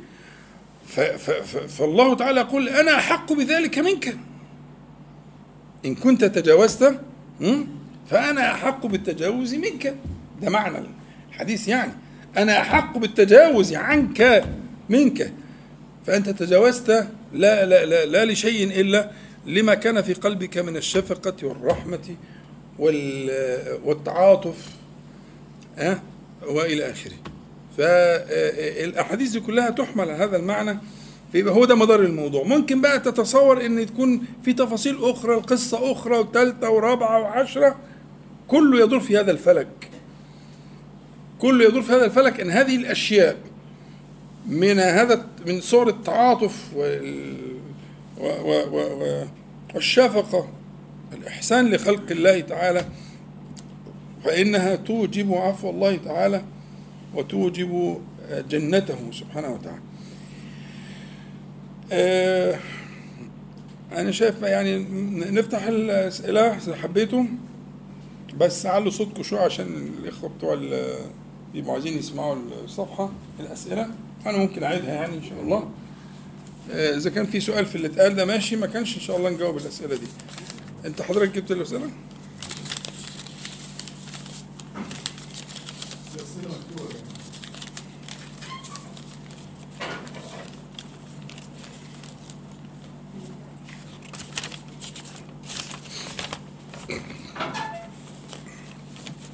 طبعا هبدأ بده لأن ده بقاله كام يوم يعني فأنا قلت له هات فيعني هو مش صحيح آخر ورقة توصل لكن هي آه، يعني قديمة يعني بقى اسئله مش يعني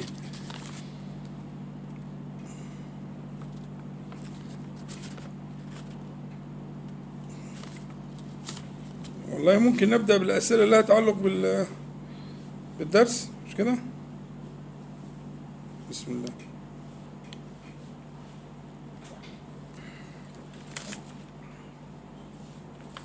تمام. تمام.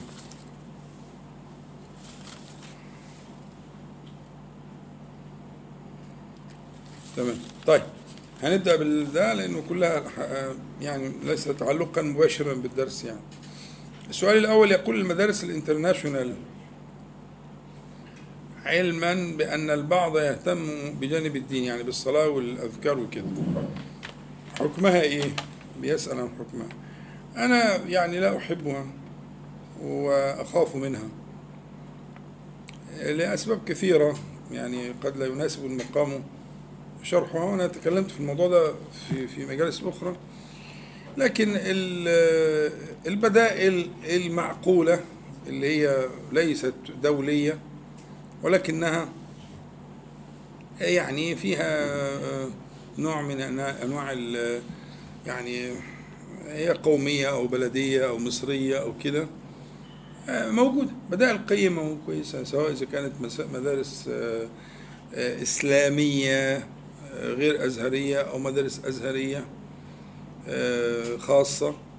ومستوى ال- الاجتماعي معقول والتدريس فيها معقول. لكن أنا النقطه اللي تهمني قوي في المسألة دي مسألة اللغة. الأولاد اللي بيدرسوا مبكرا جدا بغير العربية هؤلاء يضحى بهم بلا ثمن ولا بلا مقابل. لأن ثقافة الطفل في الحياة بتتكون بلغته. إحنا قلنا الثقافة ثقافة الإنسان أركانها ثلاثة. أركانها ثلاثة. آه، آه، آه، أخطر الأر- الأركان على الإطلاق اللغة. ثانيها التاريخ أهمها الدين. فثلاث أشياء. أي إنسان أي ثقافة أي أمة أي شعب أي بني آدم هم الثلاث أشياء دول لغته وتاريخه ودينه. فإذا كان الطفل في سن مثلا صغيرة جدا مبكرة أو في سن المرحله الابتدائيه آه، تعظم له آه، لغة غير آه، لغته ولسان غير لسانه فبتبتدي يفقد هويته. ولا يجد سبيلا إلى ثقافته وإلى تاريخه وإلى دينه. وتلاقي العيل بيتكلم كلمة كده وكلمة كده ولما ينفعل يقول واو ولما يحزن يقول مش عارف إيه ولما يقول يس إيه ده؟ العيال كلها كده دلوقتي. إيه ده؟ مسألة خطيرة جدا فوق ما تتصورون. لأن هو ده حالة الانفعال اللي بيعبر عن نفسه بالشكل ده. لما يفرح لما يزعل لما يصوت لما ينفعل لما يشوف مثلا حاجة على البتاع ده ال- ال- التلفاز والكلام من ده. التصوت تحول عليه العين لمسخ لمسخ. في حين إن الدول دي تجرم غير لغتها قبل مرحلة من العمر. إيه رأيك بقى؟ اللي هم أنت بتجري وراهم دول؟ يعني اليابان أول مرحلة ياخد فيها الطفل لغة تانية سنة خمسة ابتدائي. وبياخد حصة واحدة في الأسبوع. لكن لغاية خمسة ابتدائي لا يعلم شيئا إلا باللغة اليابانية. لكن أنت عشان أمم متخلفة وانحط المسلمون كما قال الشيخ آه، أبو الحسن الندوي رحمه الله ماذا خسر العالم بانحطاط المسلمين؟ فصار الولد يفرح بغير لغته ويزعل بغير لغته ويغضب بغير لغته ويقول شعر بغير لغته ويغني بغير لغته ويمثل بغير لغته. فمسخناهم مسخنا العيال. فأخطر حاجة في المدارس اللغة.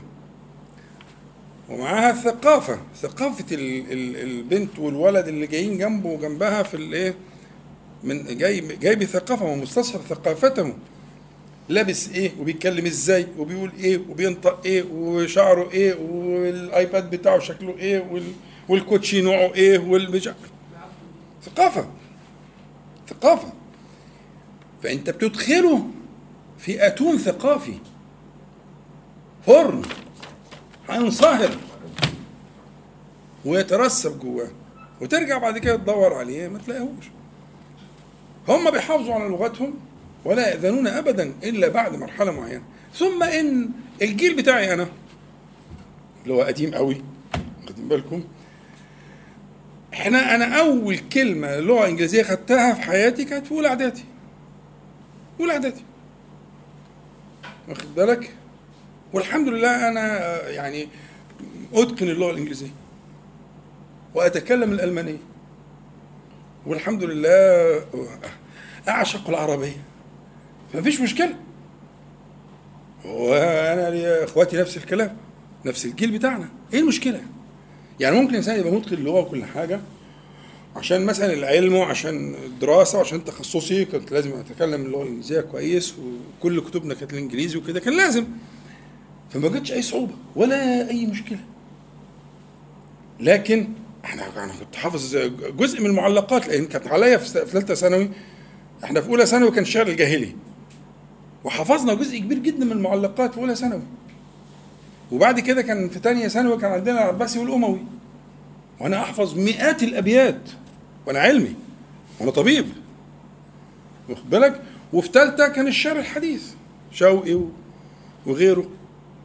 وأنا أحفظ مئات الأبيات من المدرسة. إيه المشكلة؟ والحمد لله النهايات في كل اللغات الأخرى. كانت اللغة الأولى عندي الإنجليزية الأجنبية واللغة الثانية كانت الألمانية. والحمد لله جايب النهايات إيه المشكلة؟ وكل الشاطرين كانوا كده. وجينا كله كده. إيه اللي حصل في الدنيا؟ إيه الخيبة دي يعني؟ إيه الوكسة دي؟ إيه النكسة دي؟ ليه؟ عشان إيه؟ آه ده برنامج بقى. يعني انت عندك international وهو ما عندوش international مفيش كلام من ده. international ليك انت لأن انت المهزوم. انت المهزوم فيعمل لك international ويخلي المباراة بينك وبين الناس كلها في ال international. وإن عيالك يبقى نص كلامهم عربي على إنجليزي على فرنساوي على مش عارف إيه. وإن هم يعيطوا بلغة ويضحكوا بلغة ويرقصوا بلغة ويغنوا بلغة. هو كده مبسوط. لأن الجيل يخرج فاقد يخرج فاقدا للهوية. لأن هم ثلاث حاجات زي ما قلت لك. حفظتهم؟ الأهم والأول في الترتيب وفي البناء العمود الرئيس اللغة. اللغة. ثانيها التاريخ. هو جاي منين؟ الأمة دي إيه؟ أصلها إيه؟ الحضارة دي اسمها إيه؟ العرب دول إيه؟ واخد بالك؟ يعرف التاريخ كويس. الحاجة الثالثة لما يكبر بقى شوية الدين. يعرف إن الدين هو الرباط الذي يربط به تربط به هذه الهوية وهذه الثقافة. فلما تكون البداية بهذا الانحراف هيطلع جيل منحرف جدا جدا. فأنا لا أحبها والبدائل كتير موجودة. وممكن أساعدك يعني عايز ممكن أقول له البدائل العربية آه، غير الأزهرية والبدائل الأزهرية ده موجود وده موجود ولازم يكون في مكافحة ومجاهدة. وعلى فكرة برضو مش يعني يعني أنا أعرف ناس من قرايبي كانوا في الألمانية وكانوا برضو بيضطروا ياخدوا مساعدات ودروس. يعني مش يعني مش مثلا وداه المدرسة الألمانية يبقى خلاص لا بقى مش الشاطر شاطر والخايب خايب والناصح ناصح وال... هو هو يعني هي نفس النسبة يعني. مش في سحر يعني. طالما داخل الالمانيه يبقى بقى واد مش عارف إيه وهي آه، بقى أينشتاين. لا ولا حاجة. نفس الاسم. نفس المجهود اللي هيتعمل هنا هيتعمل هنا. والأسرة هتعمل هنا هتعمل هنا. بس الخسارة فادحة جدا يعني. والله أعلم. السفر للعمل في السعودية لمدة شهرين في السعودية وثلاث أسابيع في مصر مع عدم إمكانية سفر الزوجة والأولاد. لا بأس. بس نضمن إن في الفترة الشهرين دول يكون في آه، ضوابط آه، للأمان للأمان. لكن لا بأس طبيعة الحياة وتكاليفها والكساد اللي موجود في العالم وعموما وفي بلادنا خصوصا لا بأس يكون في تعاون. بس لازم يبقى في برنامج يبقى في برنامج آه، لفترة الشهرين دول يبقى في آه، ناخد بالأسباب بحيث يبقى في رعاية آه، لهذه الأسرة بأساليب مختلفة وناخد خبرة من سبقونا في ذلك. آه، لا بأس يعني الأمر قريب وراه يمكن تطبيقه. بس ممكن برضه الرجوع تواصل معايا تواصل شخصي في مسألة الإيه طب إيه هي الضوابط طب نعمل إيه؟ كده ممكن إن شاء الله الأمر قريب يعني. لكن ظروف الحياة قد تعين ذلك تجعله متعينا يعني. السباق السباق المختلط لرياضة السباحة والجري والعجل. لا مختلط لا. الرياضات اللي هي الثلاثي والخماسي وفي أظن سباعي ولا في عشاري حاجات زي كده. لا في في أظن في. دي حاجات جميلة جدا طبعا. وموافقة للتربية وللنشأة وللرجولة وللفحولة وللشريعة وللدين وللسنة اللي هي رياضة مختلطة اللي فيها ثلاث رياضات خمس رياضات جميلة جدا و- و- وأثمنها وأدفع لها وأي حاجة في الرياضة أنا في ظهرك. الرياضة شيء جميل بديع نافع بس أن تخلو عن المخالفات الصريحة الصارخة. يمكن التجاوز عن بعض الأشياء. لكن مما لا يتجاوز فيه الاختلاط في الرياضة. هذا هذه جناية جريمة وجناية في حق النفس وفي حق الغير.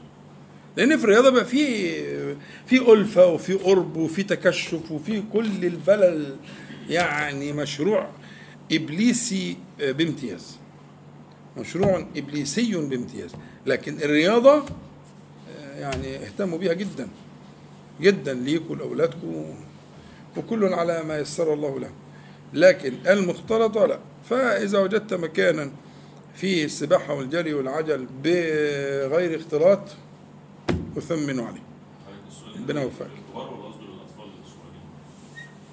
مش عارف يعني لو طفل مثلا بنت مثلا ثلاث أو أربع سنين بدربها راجل كابتن لا ما يجراش حاجة.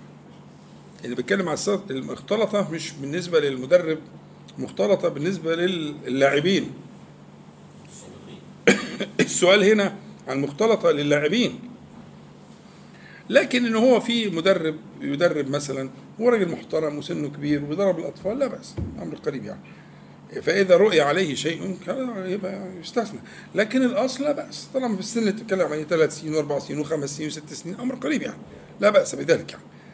لكن أول ما البنت تتشكل لا ما ينفعش. بنت عندها 11 سنة لا ممنوع ما ينفعش. لكن ما قبل ذلك لا بأس به يعني. لكن بنتكلم على اختلاط الاختلاط اللاعبين المتدربين. ولاد وبنات مع بعض ما ينفعش. وده ما الحمد لله مش موجود يعني إلا في في بعض ال- المستويات اللي هي العالية شوية. لكن عادة اللي أنا بشوفه بيروحوا الولاد عندنا وأحفادي وكده ما فيش فيه اختلاط الأمر قريب يعني. بنات لوحديهم والصبيان لوحديهم وبيلعبوا الألعاب المختلفة لكن تنمية آه، آه، هذه الثقافة أمر مهم جدا في هذا الزمان.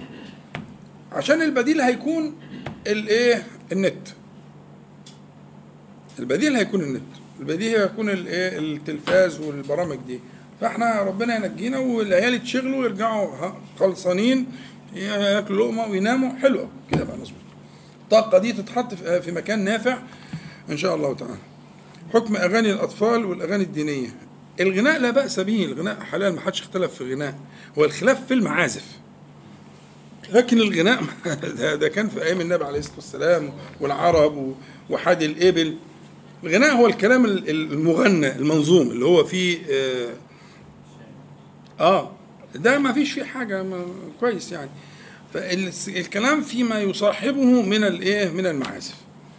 فالمعازف بقى يعني آه، فيها خلاف. آه، فإن كانت يعني لا تقصد لذاتها فلا بأس به. لا الحاجات اللي هي المؤثرات الصوتية مش عارف إيه وكده. لكن التوسع فيها يعني أنا أرى أنه لا يجوز. التوسع اللي هو ال- الموسيقى المقصودة لكده لكن بالنسبة للأطفال لو صاحبه آه، حاجة كده بتعمل إيقاع خفيف أو كده الأمر قريب عشان بس إيه يبقى الطفل يغني ويقول شعر ويقول أدب ويقول قصص ويقول كذا لا بأس بذلك. لكن التوسع في المعازف أراه لا يجوز. وإن اجازه بعض أهل العلم طبعا من راسع لكن أنا لا أجيزه. لا أراه جائزا والله أعلم. والبدائل موجودة الحمد لله. يعني كل البدائل النشيد بتبقى عندك كده وعندك كده. طب ما انت إيه اللي انت اللي بتختار. هو عشان يروج هو ما بيعملش كده يعني. هو بيعمل كده عشان يكتر من الايه آه. فبيروج سلعته فعندك كده عندك كده. تختار انت بقى دي مسألة تخصك يعني. لكن إن إحنا نعود الأطفال إن هم يتكلموا كلام عربي ويغنوا أغاني عربية وشعر عربي ويقولوا كلام من ده حتى لو مش فاهمينه قوي هو ده الصح. الحقوهم. الحقوهم عشان ابنك يقول لك wow. إيه wow دي؟ للاسف الشديد أربع سنين وثلاث سنين. وبيلعبوا لا لا yes yes yes. إيه يا ابني؟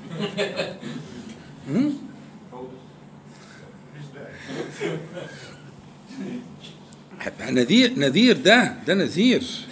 ده جرس انذار بينبهكم خلي بالكم. الحقوا عيالكم.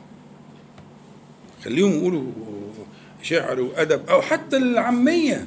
إحنا زمان كنا بنحفظ أحفادنا وأولادنا أولادنا بقى مش أحفادنا يعني. آه محمد نبينا أمه أمينة أبوه عبد الله مات ما رآه آه جده اللي رباه أبو طالب عمه. الأطفال كانوا يقولوا الكلام ده ويغنوها ويعملوا حاجة جميلة حلو. ش- ش- شوقي له ديوان اسمه ديوان الأطفال الناشئة في منتهى الجمال. في في في منتهى الروعة.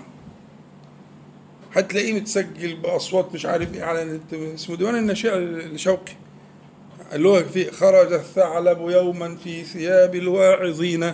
روعة وقصص بديع. وشوقي بقى. طب ليه؟ عندنا أهو حاجات جميلة وحاجات بديعة وحاجات نافعة. وممتعة. يعني مش مش رخامة يعني ده ممتعة. شيء ممتع. يعني انت لو انت, مش هتسيبها لما تخلصها. عشان تعرف بقية القصة بقى وازاي الثعلب عمل إيه والغراب كان واقف فين والبتاع وال... مسرحية في الغابة ويخلي الطيور والحيوانات بتنطق وفيها حكمة بالغة. وشوقي. وما أدراك ما شوقي. رحمه الله. أمير الشعر العربي المعاصر. وكتب للناشئة عشان عارف القضية. لازم يقول لاقيهم حاجة يقولوها. واخدين بالكم؟ فيعني آه، هل يجوز حفظ القرآن الكريم من الموبايل للحائض؟ إن كان عندها امتحان لا بأس. يعني اللي عندها امتحان عندها في دراستها بتاع وخلاص بعد الامتحان جاي وحصل إن هي آه، صارت صاحبة عذر قبل الاختبار أو كده. لكن من غير ضرورة لا. امتحان ضرورة. والضرورة تبيح المحظور. الضرورة تبيح المحظور. فالقرآن للتعبد لا يجوز للحائض ولا النفساء. للتعبد. لكن للدرس والامتحان والاختبار يجوز على معنى الضرورة الملجئة إلى الإيه؟ تمام؟ آه، كيف السبيل للتخلص من الدقة المفرطة والسعي نحو الكمال؟ المثالية. لا ده ياخد ميعاد خاص.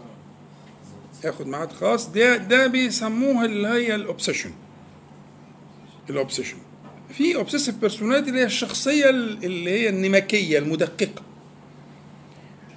على فكرة دي أصلها ميزة. هي أصلها ميزة وميزة يعني أساسية في الشخصية المميزة. لكن هي إشكالها إنها بيحصل مبالغة وتتجاوز الحد. فدي بنبتدي نشتغل مع بعض بواجبات. بنعمل حاجة اسمها علاج سلوكي معرفي CBT. cognitive behavior therapy نبتدي نحط نوظف المعنى ده في الإيه؟ في, في, النافع. وننحيه في غير النافع. لكن هي أصل الصفة دي آه، إيجابي جدا ومفيد جدا. وتقريبا ما فيش حد من العلماء إلا وفيه الجزء من ده. ده جزء من تكوين الشخصية اللي هي المميزة.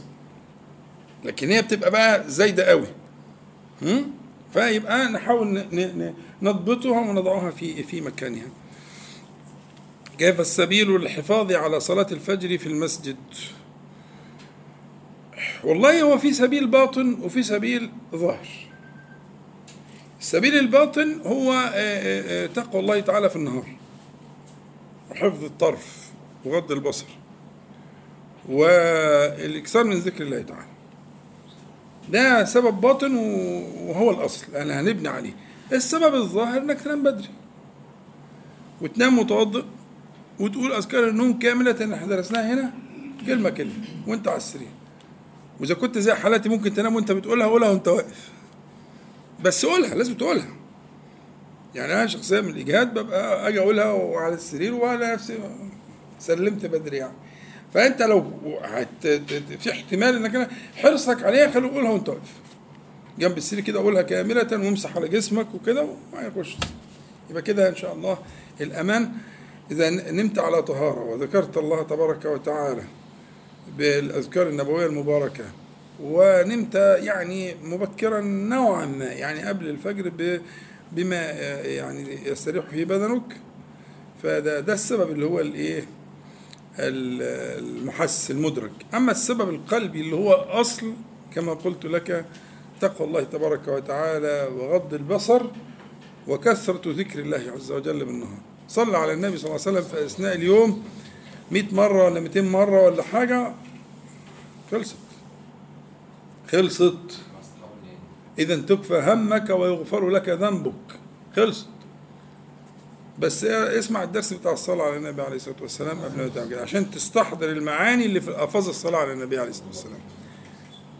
الزم نفسك بذكر الله تعالى بالنهار إن شاء الله.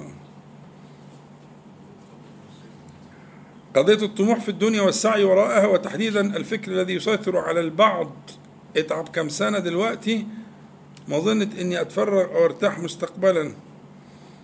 أي نصائح أو توجيهات لهذه القضية الكبيرة التي قد تعطل المرء في سيره إلى الله تعالى. لا لا لا غلط. أنا مش موافق على الحسبة دي. ال ال ال ال ال الوصف اللي أنت وصفته ده أنا هفككه وأركبه تاني. هفككه لك وأركبه لك تاني. هي القضية قضية قلبك فين؟ مش جوارحك فين؟ دي القضية. يعني ممكن واحد يكون بيعمل حاجة من حاجات الدنيا وكده كأن يكون ساعيا على أرملة أو مسكين أو إلى آخره أو على يعف نفسه وأهله ويكون آه، يعني مع الصديقين. فهي الفكرة فكرة القلب. أين قلبك؟ فتقول لي دي أعملها إزاي؟ أه يبقى دي التربية بقى. إنه أنت مش حكاية تعب كام سنة. أنت هتتعب العمر كله. أنت متصور إن هي كام سنة الموضوع هينتهي. دي عاملة زي بتاع كمثل الشيطان إذ قال الإنسان اكفر مفيش حاجة اسمها كده. هو من أول اللحظة اللي إحنا فيها دي لازم تكون آه، من أهل الله تعالى ومن أهل ذكره. من اللحظة دي. هتشتغل كتير هتشتغل قليل هتشتغل بالنهار هتشتغل بالليل. هي القضية قلبك فين في الأحوال دي؟ فدي مسألة تحتاج ل آه، مراجعة يعني. ت- السائل مشكورا يراجعني. ونبتدي نشوف التفصيل بيعمل إيه. عمل اليوم وال- والليلة بتاعه شكله إيه؟ أنت لما بتصلي وبتسلم بتعمل إيه؟ بالتسليمه التانية بتكون آه، في الشارع. طب وده اسمه كلام ما هي دي المشكلة. أنت طول الصلاة عمال ترتب هتعمل إيه بعد الصلاة. عشان كده التسليمة التانية بتكون في الشارع. هي دي المشكلة. مش المشكلة انك تشتغل 16 ساعة في اليوم. أنا ممكن أوافقك 16 ساعة و18 ساعة. بس في أثنائهم أنت بتعمل إيه؟ في ذكر الله تعالى في أذكار الصباح والمساء بتعمل إيه؟ قبل طلوع الشمس وقبل غروبها بتعمل إيه؟ في في في الصلاة ودبر الصلاة في صلاة السنة بتعمل إيه؟ لو أنت منضبط في ده خلاص ولا يهمك فوت في الحديد. اشتغل يا عم زي ما أنت عايز. لكن ده خربان حتى لو أنت بطلت ما تشتغلش. فحكاية أتعب كام سنة؟ لا ما عنديش مشكلة أتعب عمرك كله. بس وتكون على الصراط المستقيم. وتعظم الأذان. والله أكبر يعني أكبر أكبر على الحقيقة ظاهرا وباطنا. ماشي. ترجع بقى لل للوصال وربنا يكرمنا وإياك.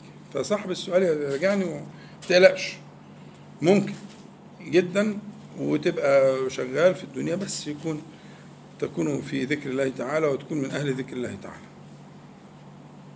الذكر الآخر الذي ذكرته في المحاضرة الأولى. الذكر الآخر هو ذكر إذا رأى شيئا أو شيطانا شيئا يخافه أو شيطانا نحو ذلك فهو في عندنا آه، ذكر آه، اللي هو في قصة آه، أصحاب الأخدود. في قول الغلام اللهم اكفنيهم بما شئت. بس تقولوا قبل ما تقع. لو لو لو ألهمك الله عز وجل أن قلت اللهم اكفنيهم بما شئت هتعدي كده. فأغشيناهم فهم لا يبصرون. كلام نهائي. إذا حضر في ذهنك وفي قلبك وقلت اللهم اكفنيهم بما شئت إذا رأيت ما تخاف فقلت ذلك فده شيء وبعدين أنا لي ورقة كده وحبيت تبقى تيجي تاخدها. فيها مجمع فيها الأذكار المتعلقة بإذا يعني آه، الكرب والهم في وجه والوجه الثاني إذا رأى شيئا أو شيطانا أو ما يخافه. ففيها كمية كبيرة من الأذكار لكن الذكر المختار عندي اللي هو آه اللهم اكفنيهم بما شئت آه خدوه في أعلى الجبل وخدوه في القرقور في في البحر وخدوه في كل حاجة ويرجع ماشي للملك بالكلمة دي ولا شك أن لها يعني تمام؟ آه آخر حاجة. قد يدرك المرء أنه واقع في الغفلة بشدة ثم يحاول الخروج منها مستعينا بالله لكن لا يستطيع الخروج والعودة إلى الحالة السابقة بسبب سطوة النفس والشيطان. فكيف السبيل؟ إنما يأكل الذئب من الغنم القاصية. قولا واحدا. أنت شغال لوحدك. أنت بتحارب الشيطان لوحدك. والصحابة ما كانوش كده. أنت مين أنت؟ إنما يأكل الذئب من الغنم القاصية. لازم يكون في نصيحة وتواصل. شوف حد حبيبك أنا أتشرف طبعا. شوف حد. لازم يكون في تناصح وتواصل وتواصي وتعاون على البر والتقوى. هذا أمر الله في القرآن الكريم. وده حال الصحابة رضي الله عنهم. فيش حد يقدر يمشي لوحده أبدا كائنا من كان. لا بد من الذكر والتذكر والنصيحة والدين النصيحة. هتنصح الهوى يعني؟ ولا الهوى اللي هينصحك؟ النصيحة معناها آه، آه، جهتين. آه آه، لازم يكون جهتين. فكيف يكون الدين بغير نصيحة؟ غير متصور يا اخوانا ودي لعبة الشيطان. ياخده على جنب بس كده. وفي الأول على فكرة ممكن يديله آه، جرعات تحفيزية. مش كنا عارفين أنا مهمة جدا. يعني هو ياخده على جنب ويشجعه. يعني أنا مرة افتقدت واحد كان بيصلي معايا الفجر منتظم جدا. يوم واثنين وثلاثة أنا حكيت القصة دي قبل كده. فقلت يا اخوانا ما فلان ده ما بيجيش فيه إيه أخباره إيه؟ كنت بقى بص عليهم كده بعد الصلاة. فقالوا والله ما فينا فاسالوا عليه مريض. المهم فايه قولوا بس حد يروح له يقول له فلان عايزك. فجاني. كان شاب كده كان لسه في أول الجامعة وكده. قلت له إيه الحكاية؟ قال لي والله أنا حسيت كده بشيء من الرياء وأنا باجي الفجر. أنا ساكن في عمارة ست أدوار وكل دور فيه مش عارف كام شقة. أنا الوحيد اللي بنزل. حسيت كده إن أنا إيه وأنا برزع الباب وأنا بخبط مش عارف إيه إنه إيه أنا بعمل كده عشان يحسوا إن أنا وبعدين أنا الوحيد فعلا اللي بصلي في في في, في, في الشقق دي كلها وكده. فحسيت بشيء دخل قلبي فقلت طب ما أجرب أصلي في البيت. فصليت اليومين ثلاثة اللي في البيت دول حضرتك كان في خشوع غريب أنا بقيت أبكي في الصلاة. آه والله بقيت أبكي في الصلاة هو بتنزل ده كانش بيحصل في المسجد. فبقيت أبكي في الصلاة. قلت له أنا عارف أقول لك الباقي. أكمل لك بقية القصة. هو طبعا لازم يخليك تبكي في الصلاة في الأول. ده ده ده, ده بكاء الفرح. هو فرحان فرحة. ما بعدها إن هو شاب في عز شبابه وخده على جنب. خدوا على جنب عشان الشبهة بتاعه الرياء والبتاع والجامع وانت بتقعد تحك رجليك وتخبط الباب وترزع بوابة العمارة عشان إيه؟ انت بقى اللي جامد فقال شوف انت بتعمل إيه؟ إيه الهبل ده؟ انت الحاجات دي كلها عشان الرياء. انت بترائي لكن لو صليت في البيت بقى شوف الجمال وشوف الخشوع وشوف الهدوء وشوف السكينة وتصلي براحتك. قال لي حضرتك اليومين في دول كل ما اصلي الفجر اعيط ابكي. وحسيت بالقرآن وشعرت به ومش عارف إيه وبتاع. فهو ممكن لما ياخده على جنب الأول ي- يريح الزبون يعني يريحه قوي بحيث إن هو يسكنه يديله حقن التخدير وبعد كده بقى آه ضرب ضرب ضرب من كل جهة مش هيلاحق ها؟ فطبعا إنما ياكل الذئب من الغنم القاصية كلام النبي عليه الصلاة والسلام آه آه اصحى لنفسك اصحى لنفسك. لو خدك على جنب في الأول هيريحك ويبسطك ويظبط لك دماغك. لأن أصلا التشويش اللي بيحصل في الصلاة ما هو منه. يقوم يقول لصبيانه بس سيبوه. سيبوه. سيبوه يعيش الصلاة ويعيش الآيات ويعيش البتاع مش عارف إيه. يحضر قلبه. ما فيش ما فيش بقى نوازع. ها؟ يحضر قلبه ومش عارف إيه وإيه وإيه ويقول لك بس أنا كنت مضيع نفسي. كنت مضيع نفسي مع النزول مع الناس والبتاع. شفت الخشوع وشفت البتاع والحضور؟ وانت عارف الباقي بقى. تمام؟ فده لازم ما يبقاش لوحده. هو دي مشكلته إنه لوحده. لازم يبقى في تناصح ومراجعة وجدول متابعة وذكر وحضور مجالس ذكر والصلاة على النبي عليه الصلاة والسلام إلى آخره. لكن كده لا. بس كده خلصت الأسئلة. نسأل الله العلي القدير أن ينفعنا جميعا بما قلنا وما سمعنا وأن يجعله حجة لنا. لا علينا يا رب العالمين. اللهم صل على محمد أنزل المقعد المقرب منك يوم القيامة. اللهم اقسم لنا من خشيتك ما تحول به بيننا وبين معاصيك من طاعتك ما تبلغنا به جنتك ومن اليقين ما تهون به علينا مصائب الدنيا. اللهم متعنا بأسماعنا وأبصارنا وقوتنا ما أحييتنا. واجعله الوارث منا. واجعل ثأرنا على من ظلمنا وانصرنا على من عادانا. ولا تجعل مصيبتنا في ديننا ولا تجعل الدنيا أكبر همنا ولا مبلغ علمنا ولا تسلط علينا من لا يرحمنا. اللهم ربنا آتنا في الدنيا حسنة وفي الآخرة حسنة وقنا عذاب النار. اللهم صل على محمد النبي وأزواجه أمهات المؤمنين وذريته وأهل بيته. كما صليت على آل إبراهيم إنك حميد مجيد. والحمد لله رب العالمين. نقول جميعا سبحانك اللهم ربنا وبحمدك. أشهد أن لا إله إلا أنت. أستغفرك وأتوب إليك. السلام عليكم ورحمة الله.